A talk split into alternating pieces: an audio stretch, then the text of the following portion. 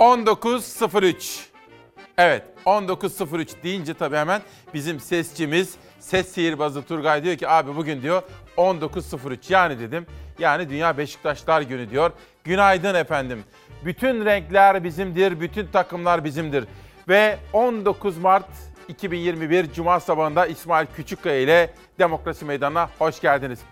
Bugün etiketin çıkış hikayesini sizlere anlatacağım. Dün akşam danışmanımla neyi kararlaştırdık, sabah editörümle neyi konuştuk. Son dakikada aklıma nereden geldi? Dinle sevgili ülkem. Bugün dinle sevgili ülkem diyorum. İlk selamımızı gece boyu hasta yataklarında sabahı bekleyen, çalan saatle hakikate uyanmayı bekleyen hastalarımıza ve hastalarımızla ilgilenen doktorlarımız, hemşirelerimiz, hasta bakıcılarımız ve onların refakatçileri, fedakar refakatçilerine söylemek istiyorum. İkinci selamımızı yine özgür günlerde sevdikleriyle buluşmayı dört göze bekleyen cezaevlerindeki kader mahkumlarına söylemek istiyorum ve her birinize günaydın diyorum. Şimdi Tomakin'den, yönetmenimden gazeteleri huzurlarınıza getirmesini rica ediyorum efendim. Dinle sevgili ülkem. Hikayesini biraz sonra sizlere çok detaylı olarak anlatacağım. Bugün açık söyleyeyim sıra dışı bir sabah buluşması olacak.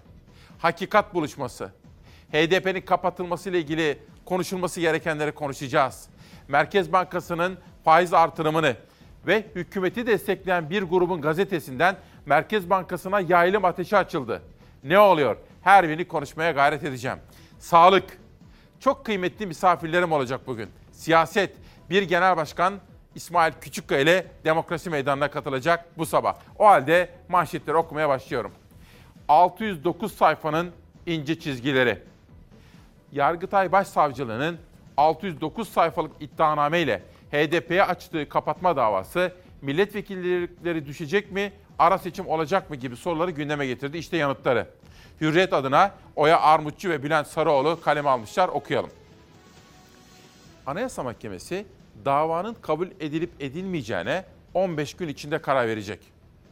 Başsavcı HDP'nin hazine yardımlarından yoksun bırakılmasını, aldığı yardımları iade etmesini, banka hesaplarının blokesini talep etti.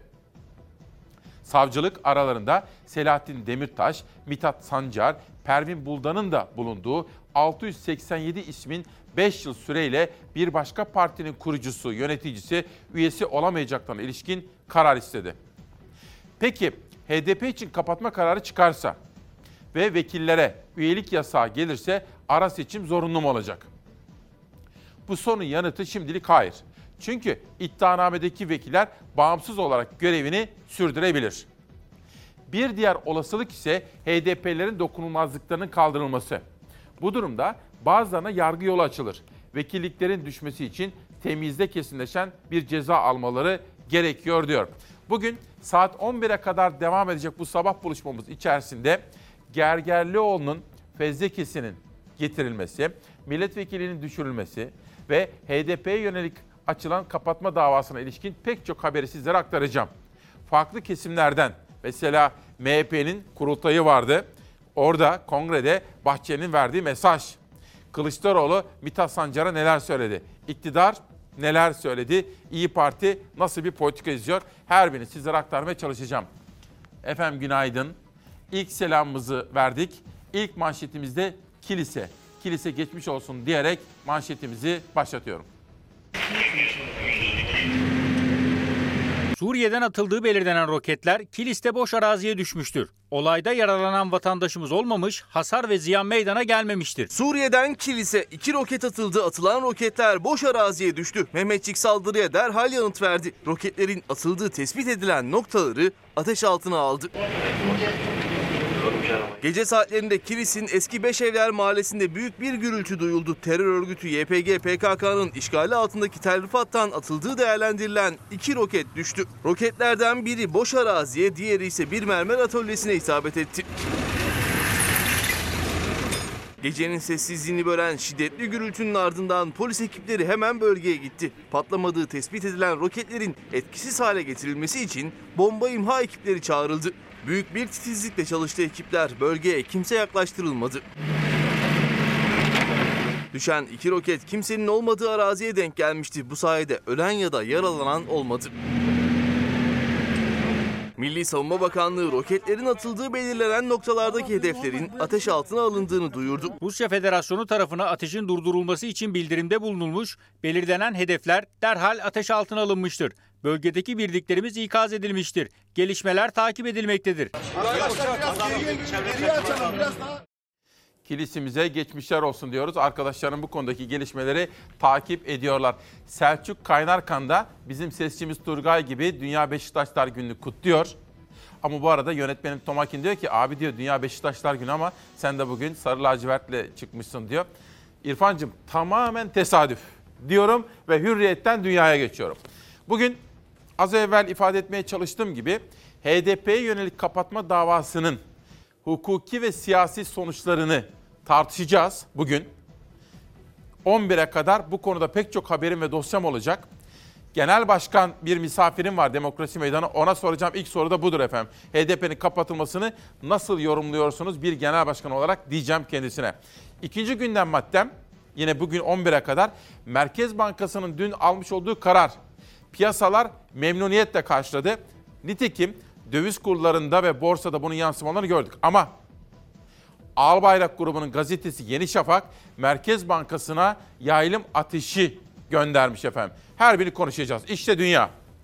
Merkez riskleri önden fiyatladı. Türkiye Cumhuriyeti Merkez Bankası önden yüklemeli ve güçlü bir ilave parasal sıkılaştırma kararı ile politika faizini piyasa beklentilerinin üzerinde 200 bas puan arttırdı. Şunu da söyleyeyim. Ben de dün pek çok piyasa yapıcıyla da konuştum. Kendim ekonomist olmadığım için bilenlere danıştım. Merkez Bankası'nın dün yaptığı hamlenin doğru olduğunu söylüyorlar. Aslında yüksek faizle hepimiz karşıyız. Eminim Merkez Bankası da karşı.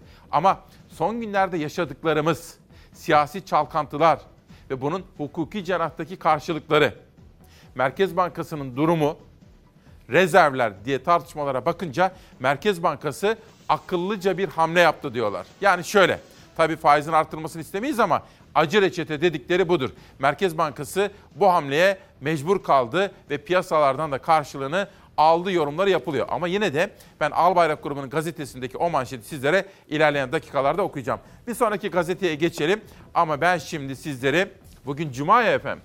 Cuma'nın ve hafta sonunun hava durumu raporuyla baş başa bırakayım. Kuvvetli sağanak yaklaşıyor, yurda batıdan yaklaşan yağışın ayak sesleri dahi kuvvetli geliyor. Bugün öğle saatlerine varmadan Ege'de kuvvetli sağanak yağış hayatı olumsuz etkileyebilir. Marmara'da önce Trakya'da öğle saatleri itibariyle bölge genelinde ve İstanbul'da etkili olacak kuvvetli sağanak yağmur. Sel, su baskını ve taşkınları beraberinde getirebilir. Bugün batıda yeni bir kuvvetli yağış etkili olmaya başlıyor. Ege bölgesi üzerinden yurda yeni bir yağışlı sistem giriş yapıyor. Kuzey Ege ağırlıklı gelen yağışlar öğle saatlerine kadar Ege denizine kıyısı olan tüm illerde özellikle kıyıda kuvvetli sağanak yağış getirebilir. Marmara'da ise sabah Batı Trakya'da etkili olmaya başlayan yağış öğle saatleri itibariyle Marmara'nın tamamını etkisi altına almış olacak. İstanbul'da en geç öğle saatlerinde kuvvetli sağanaklar kendini göstermeye başlıyor. Yeni yağış öğleden sonra Batı Karadeniz'de, akşam saatlerinde ise İç Anadolu bölgesinin kuzeyi ile Orta Karadeniz'de kendini gösterecek. Gün içinde Ege ve Marmara bölgelerinde kuvvetli sağanaklar yerel sel, su baskını ve taşkın yaşatabilir. Ege'de yağış özellikle sabah saatlerinde kuvvetli, öğleden sonra zayıflıyor. Marmara bölgesinde ve özellikle İstanbul'da ise öğle saatlerine dikkat. Cumartesi yağıştan geriye yurt genelinde kapalı bir gökyüzü kalıyor. Ege bölgesinde cumartesi öğle saatlerine kadar etkili yağışlar bekleniyor. Akdeniz'in batısında da sağanaklar var. Cumartesi Marmara'da gökyüzü neredeyse hiç açmıyor, bulutlar bir alçalıp bir yükseliyor. Marmara'da cumartesi günü yerel yağışlar devam ediyor. Marmara bölgesinde cumartesi günü yağışlar bugün olduğundan daha hafif ve kısa süreli olacak, lokal ve aralıklarla etkisini gösterecek. Karadeniz'de, İç Anadolu'da ve yurdun doğusunda cumartesi hava kapalı. Yağış geçişleri yer yer görülmeye devam edecek. Ankara'da yağış geçişleri zaman zaman karla karışık şeklinde düşebilir. İç Anadolu bölgesinin kuzey illeriyle doğusunda cumartesi akşam saatleri yaklaşırken yer yer hafif kar yağışı düşebilir. Cumartesi akşam Doğu Karadeniz'de Doğu Anadolu bölgelerinde de kar var. Pazar öğleye kadar doğudaki yağışlar sürecek, zamanla etkisini yitirip güneş kendini göstermeye başlayacak. Pazar günü batıdaysa Marmara üzerinden giriş yapacak yeni bir yağışlı sistem bekleniyor. İç Anadolu, Ege, Akdeniz ve öğleden sonra doğu illerde cumartesi gününe kıyasla oldukça açık bir gökyüzüyle güneşli bir pazar günü yaşanacak. Marmara'da hava yine kapalı, batıdan doğuya yağış geçişleri pazar sağanak şeklinde olabilir. Batı ve Orta Karadeniz'de pazar hava bir kapatıp bir açıyor, yerel yağışlar görülebilir. Hafta sonu yurdun güney hattında kısmen Ege'de ve iç kesimlerde sıcaklıklarda birkaç derecelik artış var. Ancak cumartesi pazar Marmara, Karadeniz ve doğuda hatırı sayılır bir sıcaklık değişimi beklenmiyor. Sıcaklıktaki hissedilir değişim pazartesi günü yaşanacağı benziyor. Birkaç günlük sıcaklık artışının ardından haftanın ilerleyen günlerinde hava yeniden soğuyor. Pazartesi günü artan ve birkaç gün içinde yeniden azalması beklenen sıcaklıklar hastalıklara davetiye çıkarabilir, tedbirli olunmalı. HDP'nin kapatılması ve bunun siyasi yansımaları birinci gündem maddem. Merkez Bankası'nın almış olduğu faiz kararı ve bunun piyasaya etkileri ikinci gündem maddem. Ve üçüncü gündem maddem dün Çanakkale ruhunu aradık değil mi efendim? Dedelerimizin, ninelerimizin bütün farklılıklarını bir tarafa bırakarak emperyalizmle savaş altındaki ana yurdumuzu nasıl kurtardıklarının hikayesi Çanakkale'den yansıyanlar da bugünkü ana gündem maddelerinden birisi. Ve Karar Gazetesi Bahçeli açıkladı Cumhur'un yol haritası. Şimdi enteresan bir başlık seçmişler Karar Gazetesi. Okuyalım ve biraz sonra üzerinde konuşalım. Gündem oluşturan çıkışlarıyla dikkat çeken ve son olarak HDP'ye kapatma davasına yönelik çağrısı karşılık bulan Bahçeli, ekonomiden dış politikaya kadar her başlığa değindi. 2023'e kadar Türkiye'nin yol haritasını işaret eden MHP lideri erken seçim olmayacak, Türkiye rotasından çıkmayacak. Bu Cumhur'un sözüdür. Güçlendirilmiş parlamenter sistem teklifleri de beyhude. Artık parlamentoya dönüş yok dedi. Bu sözleri ve kongrede yaptığı konuşmayla Bahçeli gündem oldu. Karar Gazetesi'nde manşetinde. Efendim dün Çanakkale ruhunu yani vatan savunmasının nasıl başarıldığının hikayesini anlatmıştık. Bu bu efsane bitecek, sönecek gibi değil. Sırtladığımız bu şanlı mirası inanarak, çalışarak en yükseğe taşıyoruz.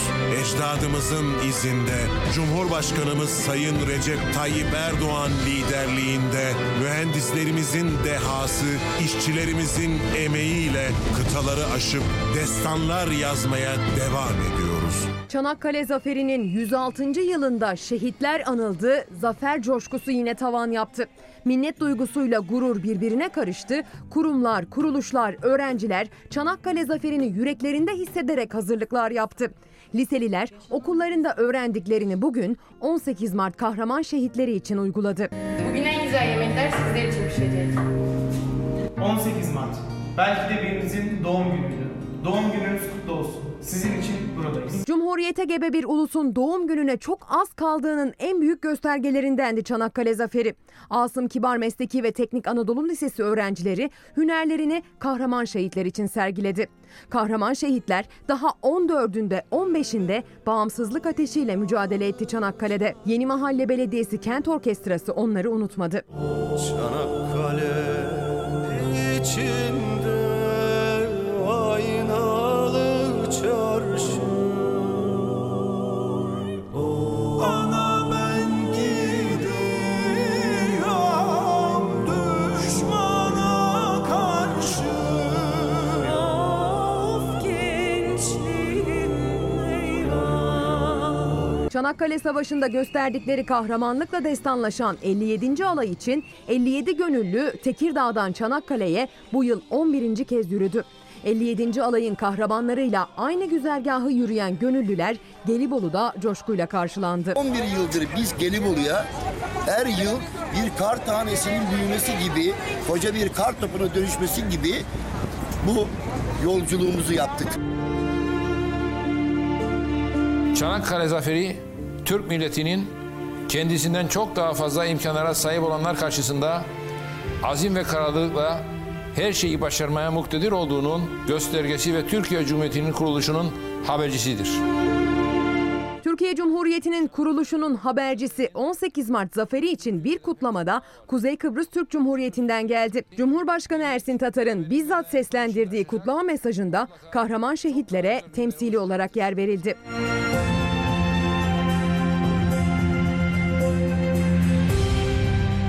Memleketi için görev yapan, kendi topraklarına gönül veren kahraman gazi ve şehitlerimizi saygıyla anıyorum. Çanakkale'de destan yazan kahraman Mehmetçik her yerde. Vatan toprağı için canını veren on binlerce şehidin anıldığı, zaferin coşkusunun hücrelere kadar işlediği hazırlıklar pek çok ekranda yankılandı. Sırtladığımız bu şanlı mirası inanarak, çalışarak en yükseğe taşıyoruz. Ecdadımızın izinde. 19 Mart 2021 Cuma sabahında Demokrasi Meydanı'ndasınız efendim. Ve Karar Gazetesi'nden Sözcü'nün manşetine geçiyoruz. Andımız ayrılığı. Cumhur İttifakı'nın iki liderinden iki farklı görüş geldi. Milli andımız İstiklal Marşı mesajlarla dolu diyen Erdoğan ve Türk'üm deriz andımızdan vazgeçmeyiz diyen Bahçeli'nin bu sözleri. Ve andımızla ilgili tartışmalarda işte bu şekilde gazetelerin birinci sayfalarına yansımış durumda. Bir sonraki gazeteye geçelim. Ve Bir Gün Gazetesi borcu isyan ettiler, masaları yaktılar diyor. İktidar salgın günlerinde Lebalep kongrelerini sürdürürken Konya'da uzun süredir kapalı oldukları için zor günler geçiren esnaf Mevlana Meydanı'nda bir araya geldi. Masa ve sandalye yaktı. Kapılarını müşterilerine açamayan çok yüksek riskli gruptaki kentin lokanta ve restoran işletmecileri borçlarını ödeyemediklerine dikkat çekti. Dayanacak gücümüz kalmadı. Oy toplamak için kapı kapı geziyorlar. Neden kimse gelip halimizi sormuyor? AK Parti kongreleri lebalep doluyken virüs sadece esnafa mı var diyerek isyan etti yetkililerin sorunlarını dinlemesini isteyen esnafa polis biber gazıyla müdahale etti diyor efendim. Bugün mesela CHP'nin esnaf masası Doğu Güneydoğu illerindeki temaslarını sürdürüyor. Meral Akşener yine esnaf ziyaretlerini bu kez Trakya'dan sürdürüyor. Ali Babacan da öyle. Yani şunu söylemeye çalışıyorum. Siyaset özellikle de muhalefet esnafı keşfetti. Esnafın ne kadar zorda olduğunu fark etti ve onların yanına giderek onların sesini duymaya ve duyurmaya gayret ediyor. Esnafın sesini ben de sizlere aktarmaya gayret ediyorum. Türkiye'm, dinle sevgili ülkem. Bugünkü manşetimiz. Dinle sevgili ülkem. Kontrollü bir şekilde açılacaktık. Ama vaka sayılarının 20 binleri aşması bize gösteriyor ki biz kontrolü elden kaçırdık. Diğer taraf? Son 15 günde maalesef çoğu ilimizde vaka artışı görüldü. Sonuçlar henüz hastanelere yansımaya başlamadı. Şu anda ilk başvuru polikliniğimize olan başvurularda bir artışı biz de gözlemliyoruz. Hasta başvurusunda %30'luk bir artış söz konusu. Vakaların artması bir alarmdır. Çünkü vaka sayısı arttıkça hasta sayısı artacak. Yeni vaka sayıları aylar sonra yeniden 20 binin üzerine çıktı sadece bir günde. 81 kişi koronavirüs nedeniyle hayatını kaybetti. Ağır hasta sayısı 1500'ü aştı. Artan vaka sayısının hastaneye yansımadığını söyledi Sağlık Bakanı. Ancak uzmanlar endişeli. Daha önceki dalgalarda olduğu gibi vaka sayısındaki artış bir süre sonra tablonun tamamına yansıyacak. Hasta sayısının artması bir süre sonra test pozitiflerinin artmasına, bir süre sonra servislerdeki yatan hasta sayısının artmasına, bir hafta sonra da yoğun bakım ünitesindeki hastaların atışına böyle bu süreç hep böyle piklerde böyle gitti. Hastaneye yatan hastaların bir kısmı da maalesef her türlü tedaviye rağmen yoğun bakım e, açısından e, bu sefer sıkıntı yaşamaya başlayacak. Covid testi yaptırmaya geldim buraya. İşim vardı. Birazcık da baş ağrım vardı. O yüzden geldim bu tarafa. Hastanelerin test merkezleri son zamanlarda oldukça sakindi ama yeniden bir hareketlenme başladı. Son 15 gündür virüsün yayılımı hızlandı. Cerrahpaşa Tıp Fakültesi'nde de hastaneye başvuranların sayısında %30'luk bir artış oldu. Pozitiflik oranı ise %6'lara yükseldi. Son bir aydır yaptığımız testlerdeki pozitiflik oranı %5'in altında, %3'lerde, 4'lerde Ama son günlerde 5-6 olmaya başladı. Bu bir hareketliliğin başladığını da bize düşündürüyor. Cerrahpaşa Tıp Fakültesi Dekanı Profesör Doktor Sait Gören'e göre henüz hastanelerde yoğunluk olmasa da korkulan hareketlilik başladı. Sağlık Bakanı da mutasyon nedeniyle virüsün çok daha kolay bulaştığını hatırlattı. Mutant virüsler daha zayıf fakat daha kolay bulaşıyorlar. Böylece vakalar da yaygınlaşıyor. Ben de Sayın Bakan gibi düşünmek isterdim ama maalesef biz pratikte sahada böyle yaşamıyoruz. Virüsün mutant hale gelmesinden dolayı hem yoğun bakımda hastaların yatış süreleri uzadı, yoğun bakımda ağır olan hastaların tedavileri zorlaştı ve gittikçe bir bu konuda bir tıkanmaya doğru gidiyoruz. Bazı kayıplarda zafer çok yakınken verilir. Buna fırsat tanımayalım. Göğüs hastalıkları uzmanı Profesör Doktor Bülent Tutluoğlu'na göre Bakan Koca'nın sözünü ettiği zaferden Türkiye uzak görünüyor. Şu an e, diyebilirim ki 4-5 gündür çok büyük sıkıntı içerisindeyiz. Özel hastaneler bazında gerçekten yataklar İstanbul genelinde dolu vaziyette. Telefonla arıyorum tek tek arkadaşlarım ya sende yer var mı sende var mı? Yani çoğunlukla red cevabı alıyorum maalesef. Dinle sevgili ülkem diyoruz ve koronaya tedbirli davranmaya sizleri davet ediyoruz efendim. Bugün aşılama konusundaki haberlerimde yine 11'e kadarki bu sabah buluşmamız içerisinde sizlerle buluşacak. Türkiye'deki vaka sayısından dünyadaki koronayla mücadelenin günlük bilançosuna geçiyorum. İşte Liberasyon gazetesi ve bütün dünyanın meselesi korona ve aşılama oldu efendim. Yeniden kapanma. Çünkü Avrupa ülkelerinde de vaka sayıları patlayınca, hastaneler, yoğun bakım üniteleri dolup taşınca Avrupa ülkeleri başta Fransa olmak üzere İtalya dahil yeniden kapanmayı gündeme getirdiler. Bir ay daha kapanma lanet olsun diyor Liberasyon gazetesi. İtalya'da La Repubblica gazetesine de baktığım zaman aşılamanın yine manşetlerde olduğunu görüyorum. Aşılama zamana karşı bir yarış aslında bu. İtalya durdurulan AstraZeneca aşısının yeniden uygulamaya geçmesini istedi ki Avrupa'dan sağlık örgütlerinden bu konuda da haberler gelmeye başladı. Almanya'ya geçtiğim zaman bizim gururumuz işte Türk çift Almanya'da da bütün dünyada da manşetlerde onlar bilimsel bir çalışma gerçekleştirip aşıyı buldular ve şimdi dünyanın da konuştuğu konu tabii kazandıkları para, hisseleri ne kadar arttı artmadı. Fakat öylesine büyük bir buluş gerçekleştirdiler ki onların performansı böylesine bir ödülü hak ediyor efendim. Dünyadan korona ile mücadelede yaşananların bilançosu.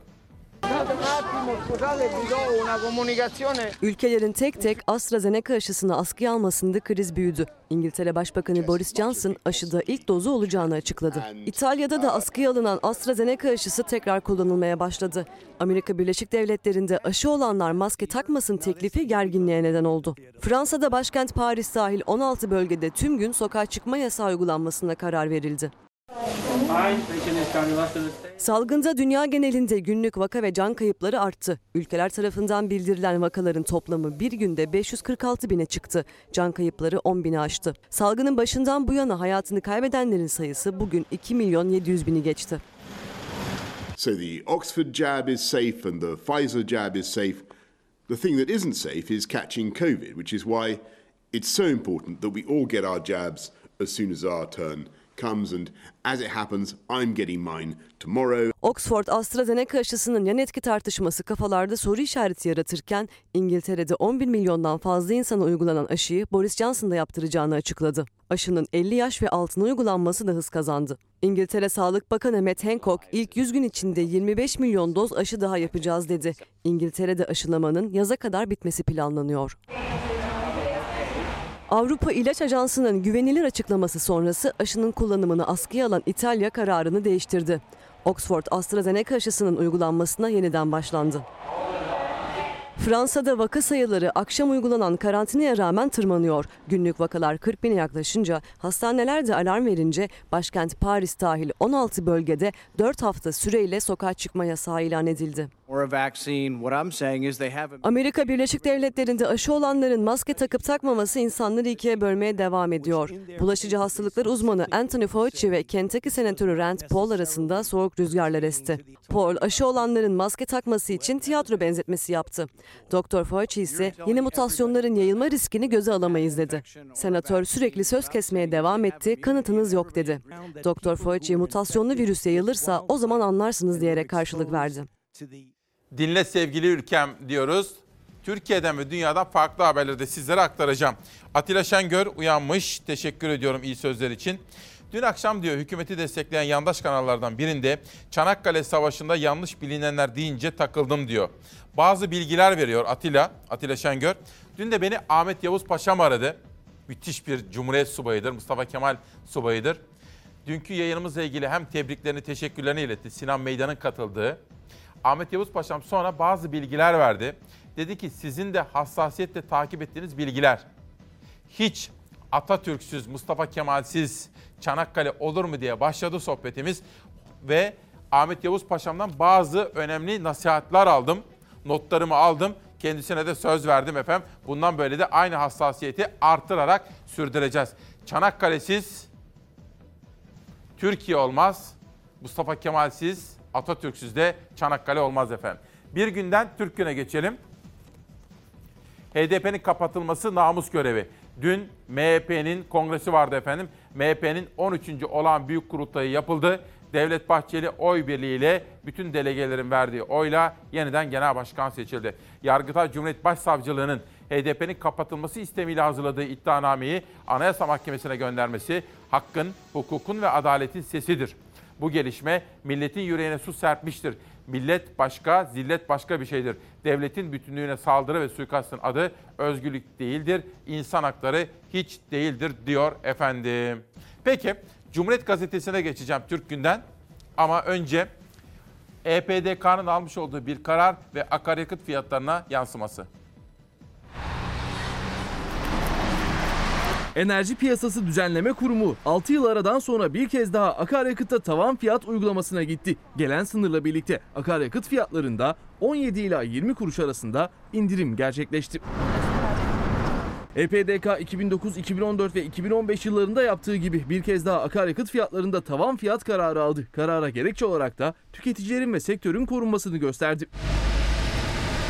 Tavan fiyat uygulaması 18 Mart 2021 itibariyle başladı ve gelen sınırlamayla akaryakıtta 17 ila 20 kuruş indirim gerçekleşmiş oldu. Tavan fiyat uygulaması sonrası Ankara'da benzinin litresine üst sınır olarak 7 lira 13 kuruş, motorinin litresine üst sınır 6 lira 49 kuruş belirlendi. İstanbul'un Avrupa yakasında benzin için üst sınır 7 lira 7 kuruş, motorun için üst sınır 6 lira 43 kuruş oldu. İzmir'de ise benzinin litresi en fazla 7 lira 16 kuruş, motorinin litresi ise 6 lira 52 kuruştan satılabilecek. Belirlenen bu fiyatlar 2 ay için geçerli olacak. Kuyumcu esnafının beklentileri vardı. Sizlere söz vermiştik, takip ediyorduk. Onlar da yandım Allah diyerek Ankara'da ekonomi yönetimiyle görüşmüşlerdi. Seslerini duyurdular. Haklılıklarını belli ki ispat ettiler ki bu konuda önemli bir gelişme var. Sizlere aktaracağım. Ama önce bakın sıcak bir gelişme. İHAD Genel Merkezi Eş Genel Başkanımız Öztürk Türkdoğan bu sabah gözaltına alındı. Gerekçesi hakkında henüz bilgimizin olmadığı bu operasyon insan hakları savunucularına yönelik baskının son ve açık bir örneğidir. Süreç hakkında kamuoyunu bilgilendirmeye devam edeceğiz diyor efendim. Şu anda sıcak geldi. Önemli bir gelişme. Arkadaşlarımdan rica ediyorum takip etsinler. Ben de reklam arasında takip edip sizleri bu konuda bilgilendirmeye gayret edeyim. Türk Gün'deki MHP kurultayından Cumhuriyet Gazetesi'ndeki Amerika ile Rusya arasındaki savaşa. Dünya gerilimi izliyor. Putin kendisine katil diyen Biden'a aynaya bak yanıtını verdi. Katil kavgası. ABD Başkanı Biden yönetiminin yeni küresel stratejisinde en büyük tehdit olarak gördüğü Rusya ile başlayan ilk büyük kriz alevlendi. Rusya Devlet Başkanı Putin, Biden'ın kendisi hakkındaki katil ifadesi için ona sağlıklar dilerim. İnsanlar kendilerinde ne varsa başkalarında onu görür diyor efendim. Peki kuyumcu esnafının sesi, yaptıkları temaslar ve atılan geri adım. Şimdi ne yapıyorlar biliyor musunuz? Para bulamadılar. Kuyumculara diyorlar ki her biriniz yarım kilo altın vereceksiniz bize. Ticaret Bakanlığı'nın kuyum ticareti taslağı tartışılmaya başlandı. Kuyumcular 500 gram altın teminatına tepki gösterdi. Bakanlık yetkilileriyle görüşüp söz konusu teminatın kaldırılmasını ya da düşürülmesini istedi. Yarım kilo altın vereceksiniz bana. Beyefendi sen saraydan tasarruf et de kuyumcuyu kurtar. CHP lideri Kemal Kılıçdaroğlu gündeme getirmişti hazırlanan yeni taslağı. Kuyum ticareti hakkında yönetmelik taslağında yer alan bir maddeyle her kuyumcudan 500 gram altın teminatı isteneceğini açıklamıştı. Akla bak Allah. Akla bakın Allah aşkına. Devlet yönetimine bakın. Gücü kuyumcuya yetiyor. Bakanlığın taslak çalışmalarının ardından kuyumcu odaları Ankara'nın yolunu tuttu. Bakanlık yetkilileriyle görüşüp teminatın düşürülmesini ya da hiç alınmamasını istediler. Asgari ücretliye gelince vergi, kuyumcuya gelince yarım kilo altın. Taslak henüz son şeklini almadı. Bakanlık sektörden gelen talepleri de değerlendirip taslağı tamamlayacak. Bu faizleri kuyumcu mu aldı? Bu paraları kuyumcu mu aldı? Londra'daki tepecileri kuyumcular mı besledi? Gücünüz onlara yetiyor. Ve bugün işte böylesine bir sabah dinle sevgili ülkem. Ne dersiniz? Ülkemiz neyi dinlesin efendim? Hangi gerçeklikle yüzleşsin? Demokrasi konusunda, insan hakları konusunda, ifade özgürlüğü konusunda, ekonomi konusunda, tarım ve çevre konularında. En son Cumhuriyet Gazetesi'nde kalmıştım. Sabah gazetesi de bugün şehitlerimiz bağımsızlığımızın mühürleridir diyor.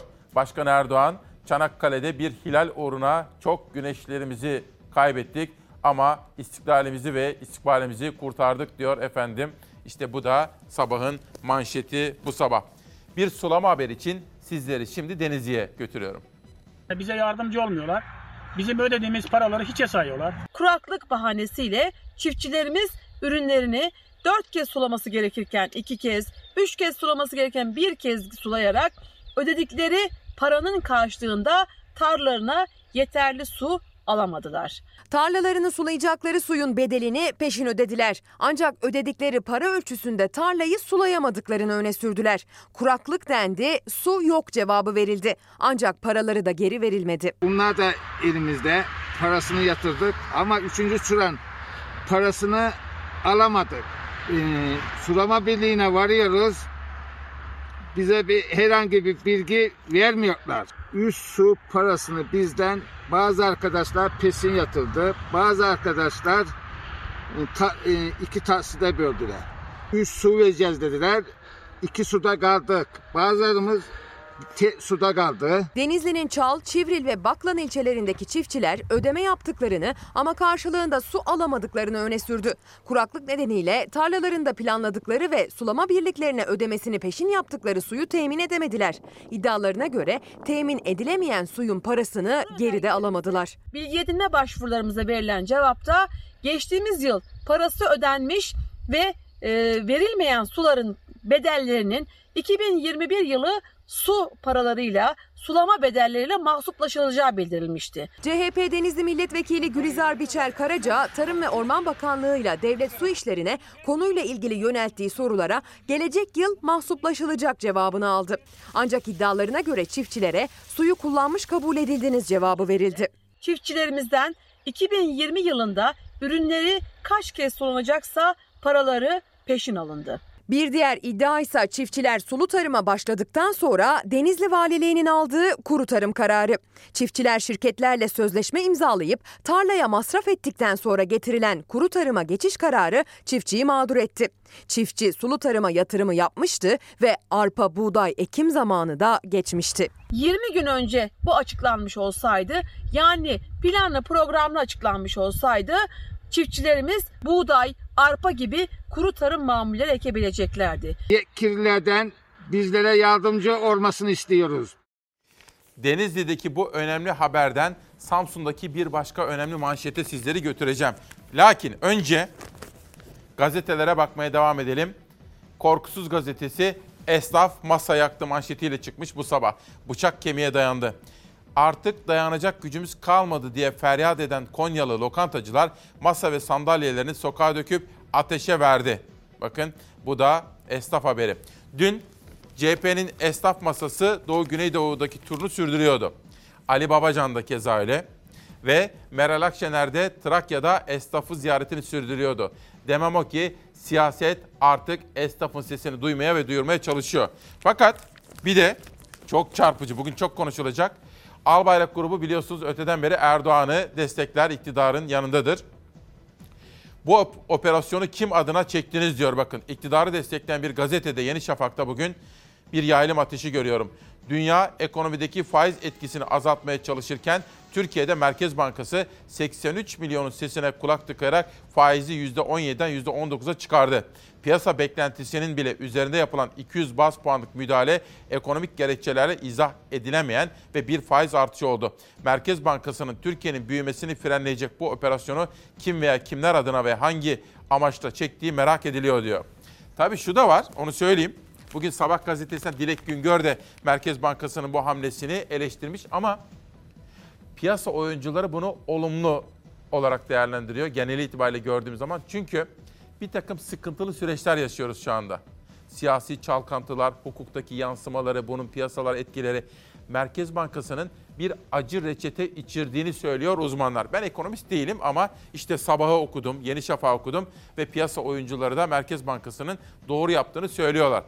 Faiz, yüksek faiz hiç iyi bir şey değil ama mecbur kaldı diyorlar efendim. Şimdi Dünya Gazetesi'nde gördüğüm bir haber. Maden sahaları ihale edilecek. 600'ün üzerinde maden sahasının ihaleye çıkılacağı haberiyle ben şimdi sizleri Denizli'den alıyor, Samsun'a davet ediyorum. Görüleceği gibi şurada dinamit patlatacak ve patlatacağı dinamit alanının olduğu yerde 50 metre 100 metre ilerisinde ruhsatlı tapulu evler söz konusu. O evlerdeki yaşayan insanlar can korkusuyla yaşayacaklar. Ne insanların ne de doğanın korunması için önlem alınmadığını öne sürüyorlar. Samsun Büyükşehir Belediyesi tarafından Bekdemir Köyü'nde yapımı devam eden taş ocağı ve mıcır tesisine köylüler karşı çıkmaya devam ediyor. Şu anda köyümüzde Büyükşehir Belediyesi'nin yapmış olduğu bir doğa katliamı var. İlk ses 2020 yılının Ekim ayında yükselmişti. Aylar geçti. Ne bölgedeki durum değişti ne de vatandaşın isyanı. Taş ocağının kapasite artırımı için başvuru yapılmasının üstüne çevresel etkinin değerlendirilmesi raporuna da gerek görülmediği ileri sürülüyor. Anka Haber Ajansı'na konuşan köylülerin iddiasına göre maden ruhsatı AK Parti ilçe başkanına ait. Maden çalışmaları ise Samsun Büyükşehir Belediyesi tarafından sürdürülüyor. Şu anda gördüğünüz alanda Büyükşehir Belediyesi taş kırma çalışmaları yapıyor. Hiçbir eee, yetkisi, ruhsatı, chat raporu yokken girdi. Ama şu anda tabii valilik tarafından bir yazı verildiğini duyduk. Gerekli izinlerin alınmadığı taş ocağı ve mıcır tesisinin tamamen usulsüz şekilde yapıldığı iddiaları devam ediyor. Samsun'un Kavak ilçesine bağlı Bekdemir köyünde çevresel etkinin değerlendirilmesini isteyen köy sakinlerinin avukatı Hatice Sönmez Güneş, ÇED raporuna gerek yoktur kararına tepki gösterdi. Valilik tarafından da ÇED gerekli değildir raporu.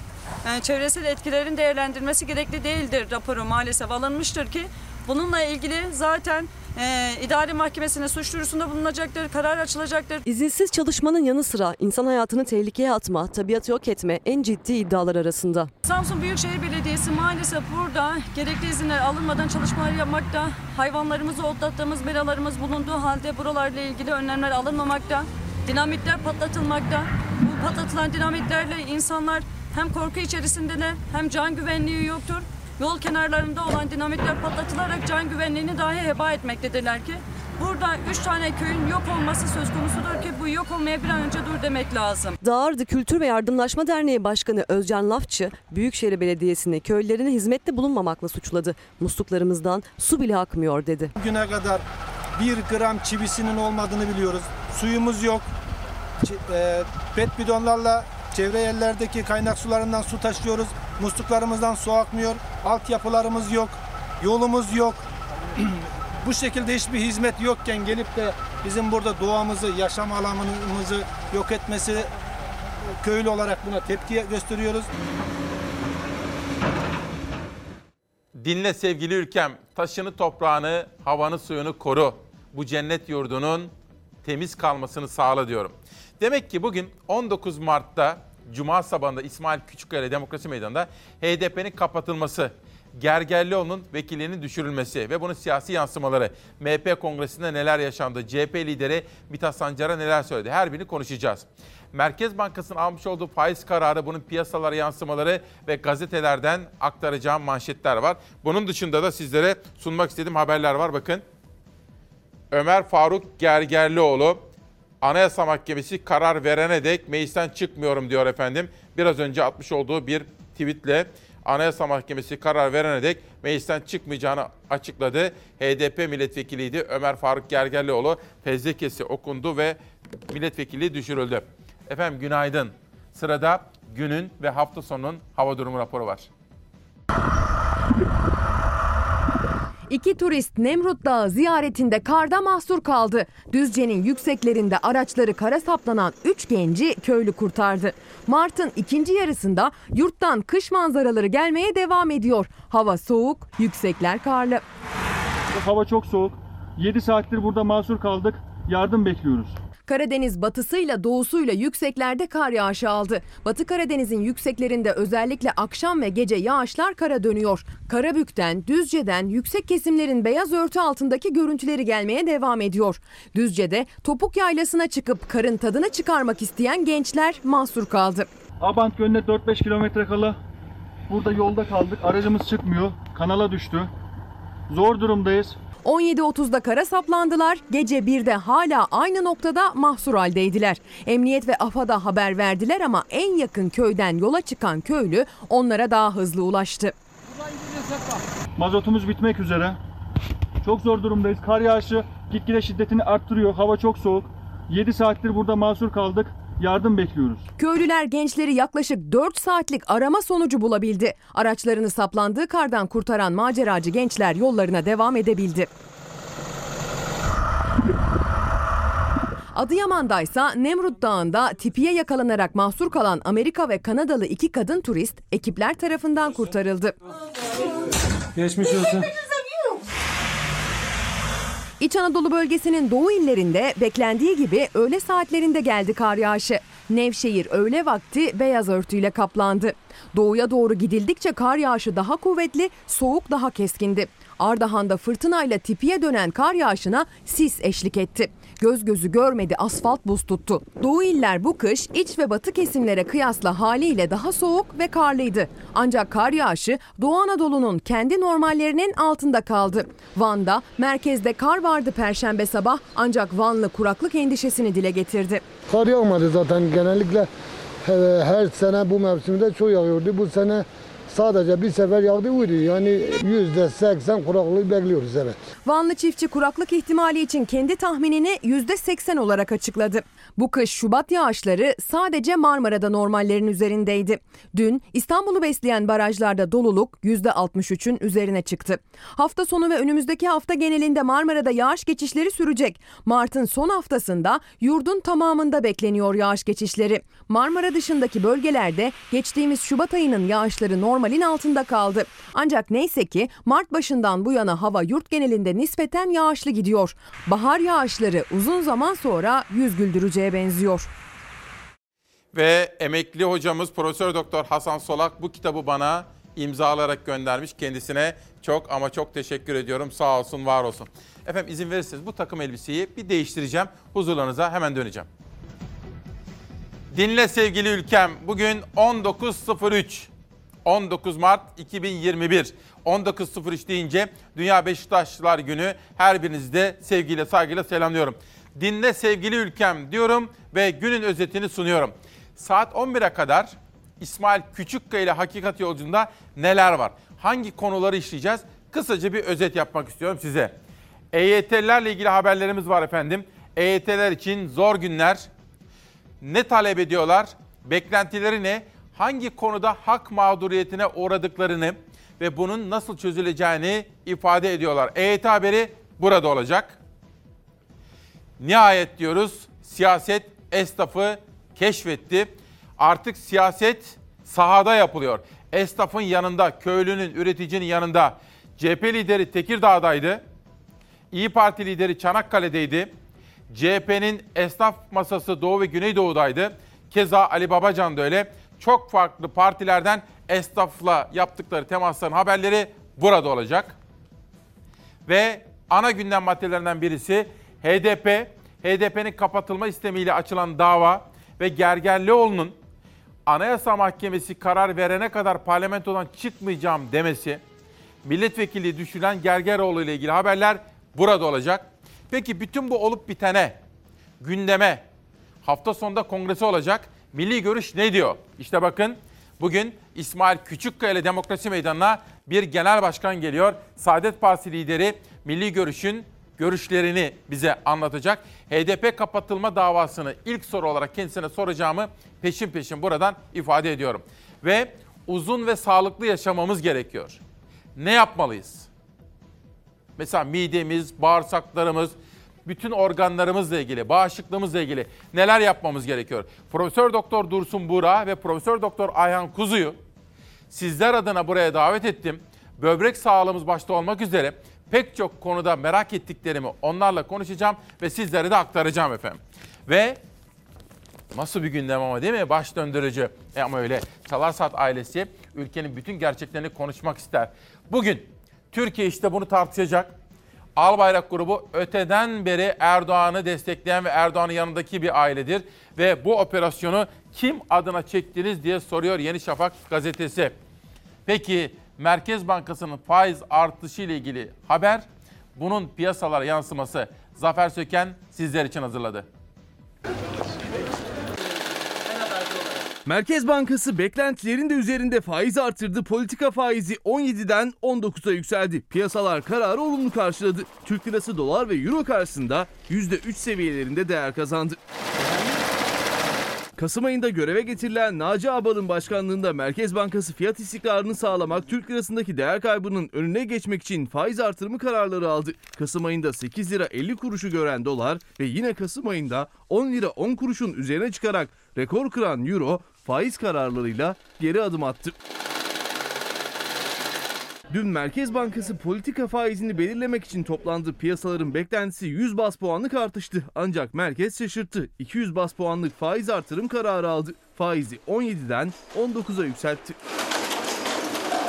Sayın Erdoğan'a seslenmek istiyorum. Faizi ve enflasyonu düşüreceğim dediniz. Faizi de enflasyonu da patlattınız. Şimdi ikisi de çift tanelilere demir attı. Yükselen faiz ise muhalefetin tepkisini çekti. Ekonomide yapılan hataların bedelini yüksek faizle ödüyoruz dedi muhalefet. 128 milyar dolar rezervi boş yere yakmanın bedelini yüksek faiz olarak ödüyoruz. Küresel sermayenin risk iştahını tatmin edebilmek için olağanüstü faiz veriyoruz. Türkiye dünyada en yüksek faiz uygulayan 7. ekonomi haline geldi. Sayın Erdoğan seçilmeden önce demişti ki siz bu kardeşinize yetkiyi verin. Bakın hem enflasyon hem faiz nasıl düşürülür ben göstereceğim demişti. Halkımız da ne dedi? Ya madem çok istiyorsun dedi.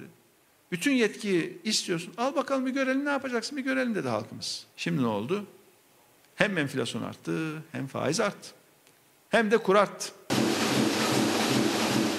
İzleyenlerimden Nuri Bey de benim görüşümü soruyor. Hepsini aktarıyorsun ama sen ne diyorsun bu konuda diyor efendim. Onu da sizlere aktarmak isterim ama önce danışmanımdan Nihal Kemaloğlu'ndan bir bilgi geldi eş zamanlı olarak. Şunu, şunu bir aktarayım da önce efendim bakın. Deutsche İstanbul'da HDP ilçe yöneticileri Ankara'da İHAD eş genel başkanı Öztürk Türkdoğan'ın da aralarında olduğu çok sayıda kişi gözaltına alındı. İHAD gerekçesi hakkında bilgimizin olmadığı bu operasyon insan hakları savunucularına yönelik baskının açık örneğidir diyor efendim. Arkadaşlarım bu konuları takip ediyor. Bana da Nuri Bey sormuştu. Efendim şöyle, Merkez Bankası da faizleri artırmak istemez. Faiz kötü bir şey. Hele faizin yüksekliği kötü bir şey. Yatırımları engeller ama bence doğru bir hamle yaptı. Ben iktisatçı değilim. Ama çok sayıda kişiyle konuştum sizlere sağlıklı bilgi verebilmek adına. Diyorlar ki siyasi riskler arttı. Piyasalar çalkalanıyor. Merkez Bankası'nın rezervleriyle ilgili sorunlar yaşanıyor. Dolayısıyla Merkez Bankası tam da bu kapatma davaları şunlar bunlar vesaire diye konuşulurken bir ön aldı diyorlar. Yani kötü ama yapması gerekeni yaptı diyorlar. Daha fazla bedel ödememek için diyorlar efendim. Ben uzmanların verdiği bilgilerin yalancısıyım. Dinle sevgili ülkem diyorum gazetelere devam ediyorum. Bu kez pencereyle başlıyorum. 687 HDP'liye siyaset yasağı istemi. Halkların Demokratik Partisi'nin kapatılması istemiyle Anayasa Mahkemesi'ne açılan davanın iddianamesinin ayrıntıları belli oldu. 609 sayfadan oluşuyor. Peki Osman Can ne söylüyor bu konuda acaba? Osman Can hani artık hepiniz tanıyorsunuz. AK Parti'de siyaset de yapmış bir profesör o, bir hukukçu. Gelsin ikinci detayım arkadaşlar. Ve hep söylüyorum ama önemli. Onun verdiği bilgilerin ne kadar yaşamsal olduğunu anlamamız bakımından hatırlamamız gerekiyor. Yazmış olduğu raporla Anayasa Mahkemesi raportörü iken Adalet ve Kalkınma Partisi'ni kapanmaktan kurtaran bir isimdir. Ne diyor bakın. Profesör Osman Can, hukuk insanı. Eski Türkiye'ye döndük. Bir de bunu izle yayına katılan eski Anayasa Mahkemesi raportörü Osman Can, HDP'ye açılan kapatma davası ile ilgili değerlendirmelerde bulundu. 687 HDP'li hakkında istenen siyaset yasağı için bu bir tasfiye operasyonu değerlendirmesi yapan Osman Can, eski Türkiye'ye geri döndük dedi. Ne dersiniz efendim? Haberi izlerken siz de lütfen düşünün ve İsmail Küçükkaya ile Çalarsat ailesi olarak bana görüşlerinizi aktarın. Eski Türkiye'ye döndük mü, dönmedik mi? Halkların Demokratik Partisi şimdiye kadar Türkiye toplumunun geleceği açısından ne gerekiyorsa onu yapmıştır. Aslında HDP ile PKK, KCK arasında bir fark yoktur. HDP halka değil terör örgütü PKK, KCK'ya hesap veren silahlı terör örgütü PKK, KCK'nın siyasi görünümlü bir uzantısıdır. Başka bir deyimle HDP PKK'nın partisidir. HDP'nin kapatma davasına ilişkin iddianameden bu cümleler. Yargıtay Cumhuriyet Başsavcısı HDP'nin devletin bölünmez bütünlüğüne aykırı eylemlerin odağı olduğunu söyledi. Partinin kapatılmasını yüzlerce HDP'li yönetici hakkında 5 yıl süreyle siyasi yasak istedi. Hazine yardımının tamamen kesilmesini. Yargıtay Cumhuriyet Başsavcılığı anayasaya aykırı davranmıştır. Bu davayı sarayın iradesinin gereği olarak açmıştır. Hukukun gereği olarak değil. AKP MHP'ye kongre hediyesi verdi. Halkların Demokratik Partisi yönetici ve üyelerinin PKK terör örgütü ve bağlı örgütlerle birlikte hareket ettikleri örgütün uzantısı olarak faaliyetlerde bulunarak devletin ülkesi ve milletiyle bölünmez bütünlüğünü bozmayı ve ortadan kaldırmayı amaçladıkları anlaşıldığından adı geçen siyasi partinin kapatılması Anayasa Mahkemesi'nden talep edilmiştir. Yargıtay Cumhuriyet Başsavcısı Bekir Şahin bu cümlelerle duyurdu kapatma davası açtığını. Kobani soruşturması kapsamında haklarında fezleke düzenlenen HDP'li milletvekillerinin de aralarında olduğu yüzlerce isimle ilgili Türkiye'nin dört bir yanındaki terör soruşturmalarını, davaları 604 sayfalık iddianamede tek tek yazdı. PKK itirafçılarının ifadelerini hatta çözüm sürecinde İmralı ile yapılan görüşmeler de parti kapatmaya delil olarak gösterildi. Kamuoyunda İmralı günlükleri olarak bilinen metine de bir göz atmakta fayda vardır. Açık kaynaklara yansıyan günlükte Selahattin Demirtaş, Pervin Buldan, Sırrı Süreyya Önder, İdris Baluken ve Altan Tan'la PKK, KCK silahlı terör örgütü liderinin zaman zaman yaptıkları görüşmelere ilişkin notlar yer almaktadır. İddianame ortalıkta dolaşıyor. Bize resmen tebliğ edilmedi henüz. Meclis konuşmalarımız gerekçe gösterilmiş.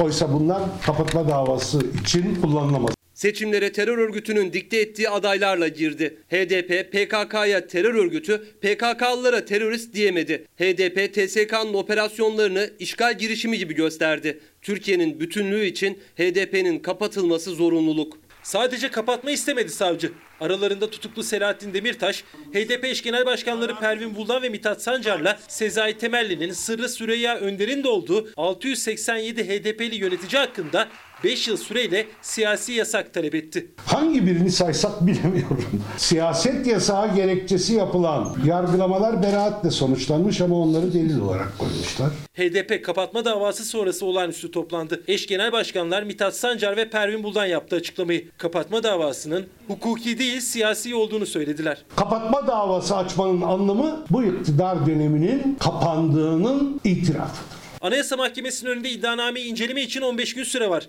Kabul ya da red kararı verecek. İddianame kabul edilirse HDP'nin savunması, dosyanın incelenmesi aylar sürebilir. Kapatma kararı için 15 üyeden en az 10'unun oyu gerekiyor. Ancak parti kapatma yüksek mahkemenin önündeki tek seçenek değil.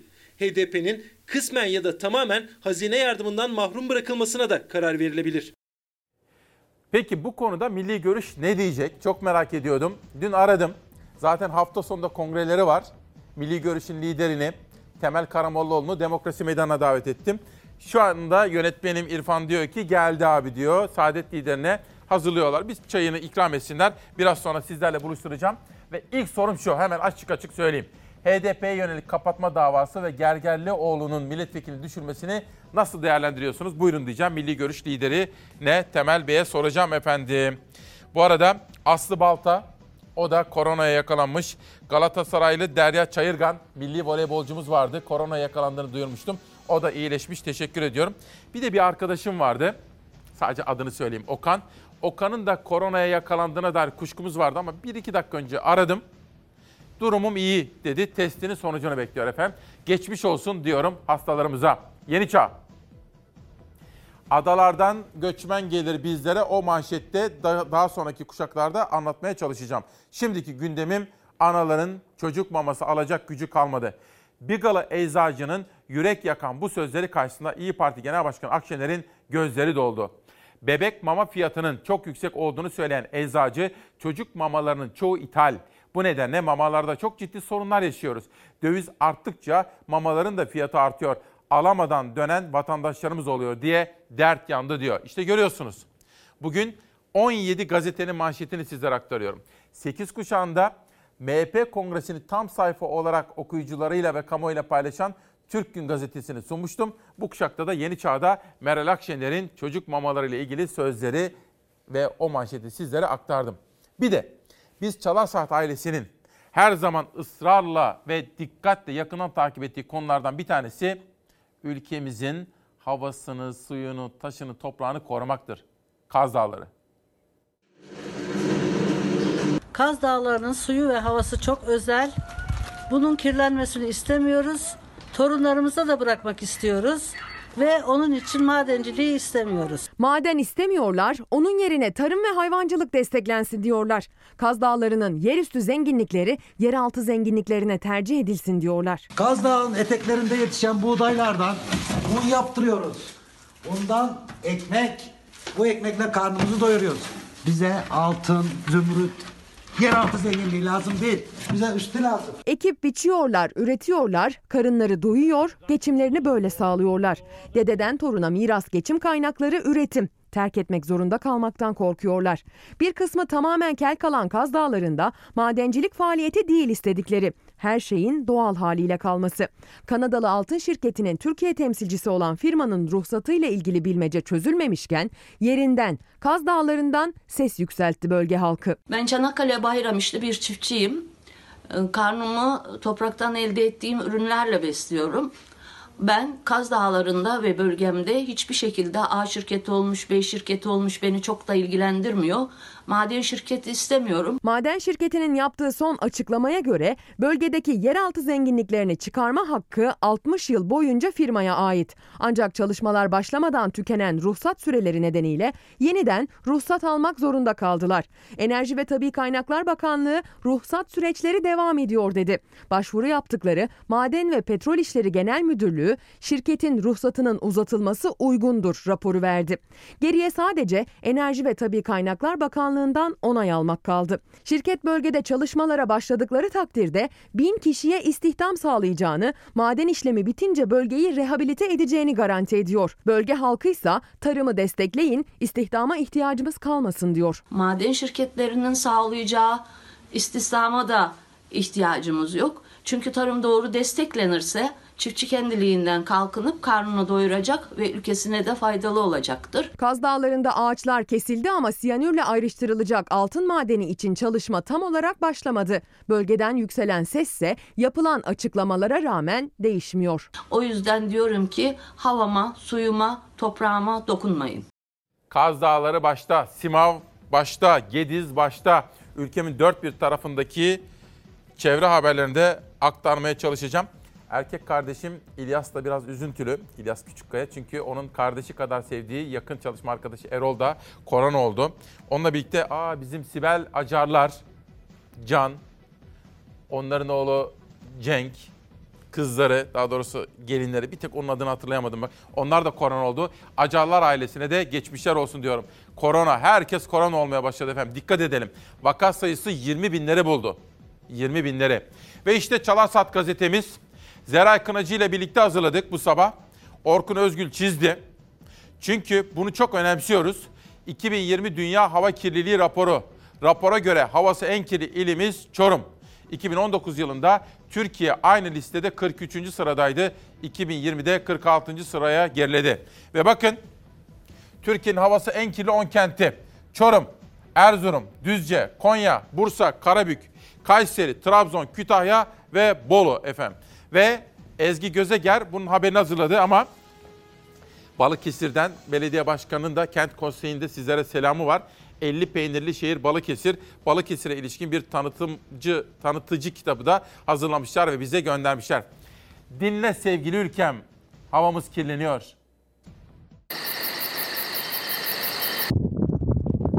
2020 yılının hava kirliliği karnesi belli oldu. Türkiye ülkeler listesinde 3 basamak geriledi. Ancak dünya genelinde kirletici miktarında düşüş kaydedildi.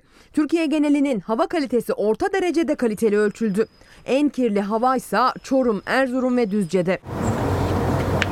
İsviçre merkezli hava kalitesi teknoloji şirketi IQ Air bir rapor yayımladı. Gözle görülemeyecek kadar küçük PM2,5 partikül maddesinin ölçümünü yaptı şirket. PM2,5 boyutundaki kirletici partikül bir kum tanesinin 20'de biri boyutunda. İnsan akciğerinde en uç noktaya kadar ulaşabilecek kadar küçük ve aynı ölçüde sağlıksız. Air passes through the respiratory airway and finally reaches the alveoli. Metreküp başına 12 mikrograma kadar PM2,5 barındıran hava için kaliteli dedi uzmanlar. 12 mikrogramın üzerinde kirletici ölçüldüyse orta kalite tanımı yapıldı. Türkiye'nin kirletici miktarı 18,7 mikrogram ölçüldü. Yani ülkemizin ortalama hava kalitesi orta seviyede. Ancak durum il bazında bakıldığında değişiyor. Örneğin Çorum. Türkiye genelinde yaklaşık 19 mikrogram ölçülen kirletici Çorum'da yaklaşık 40 mikrogram ölçüldü. Kirli hava ölçümünde Çorum'u Erzurum ve Düzce izledi. Konya, Bursa, Karabük, Kayseri, Trabzon ve Kütahya sırasıyla Türkiye'nin 2020 yılında havası en kirli olan illeri. 2019 yılında Türkiye hava kirliliği ölçülen 106 ülke arasında 43. sıradaydı. 2020 yılında ise 46. sıraya geriledi. Ancak geçen yıl 20 mikrogramın üzerinde olan kirletici ortalaması bu yıl yaklaşık 19 mikrogram ölçüldü.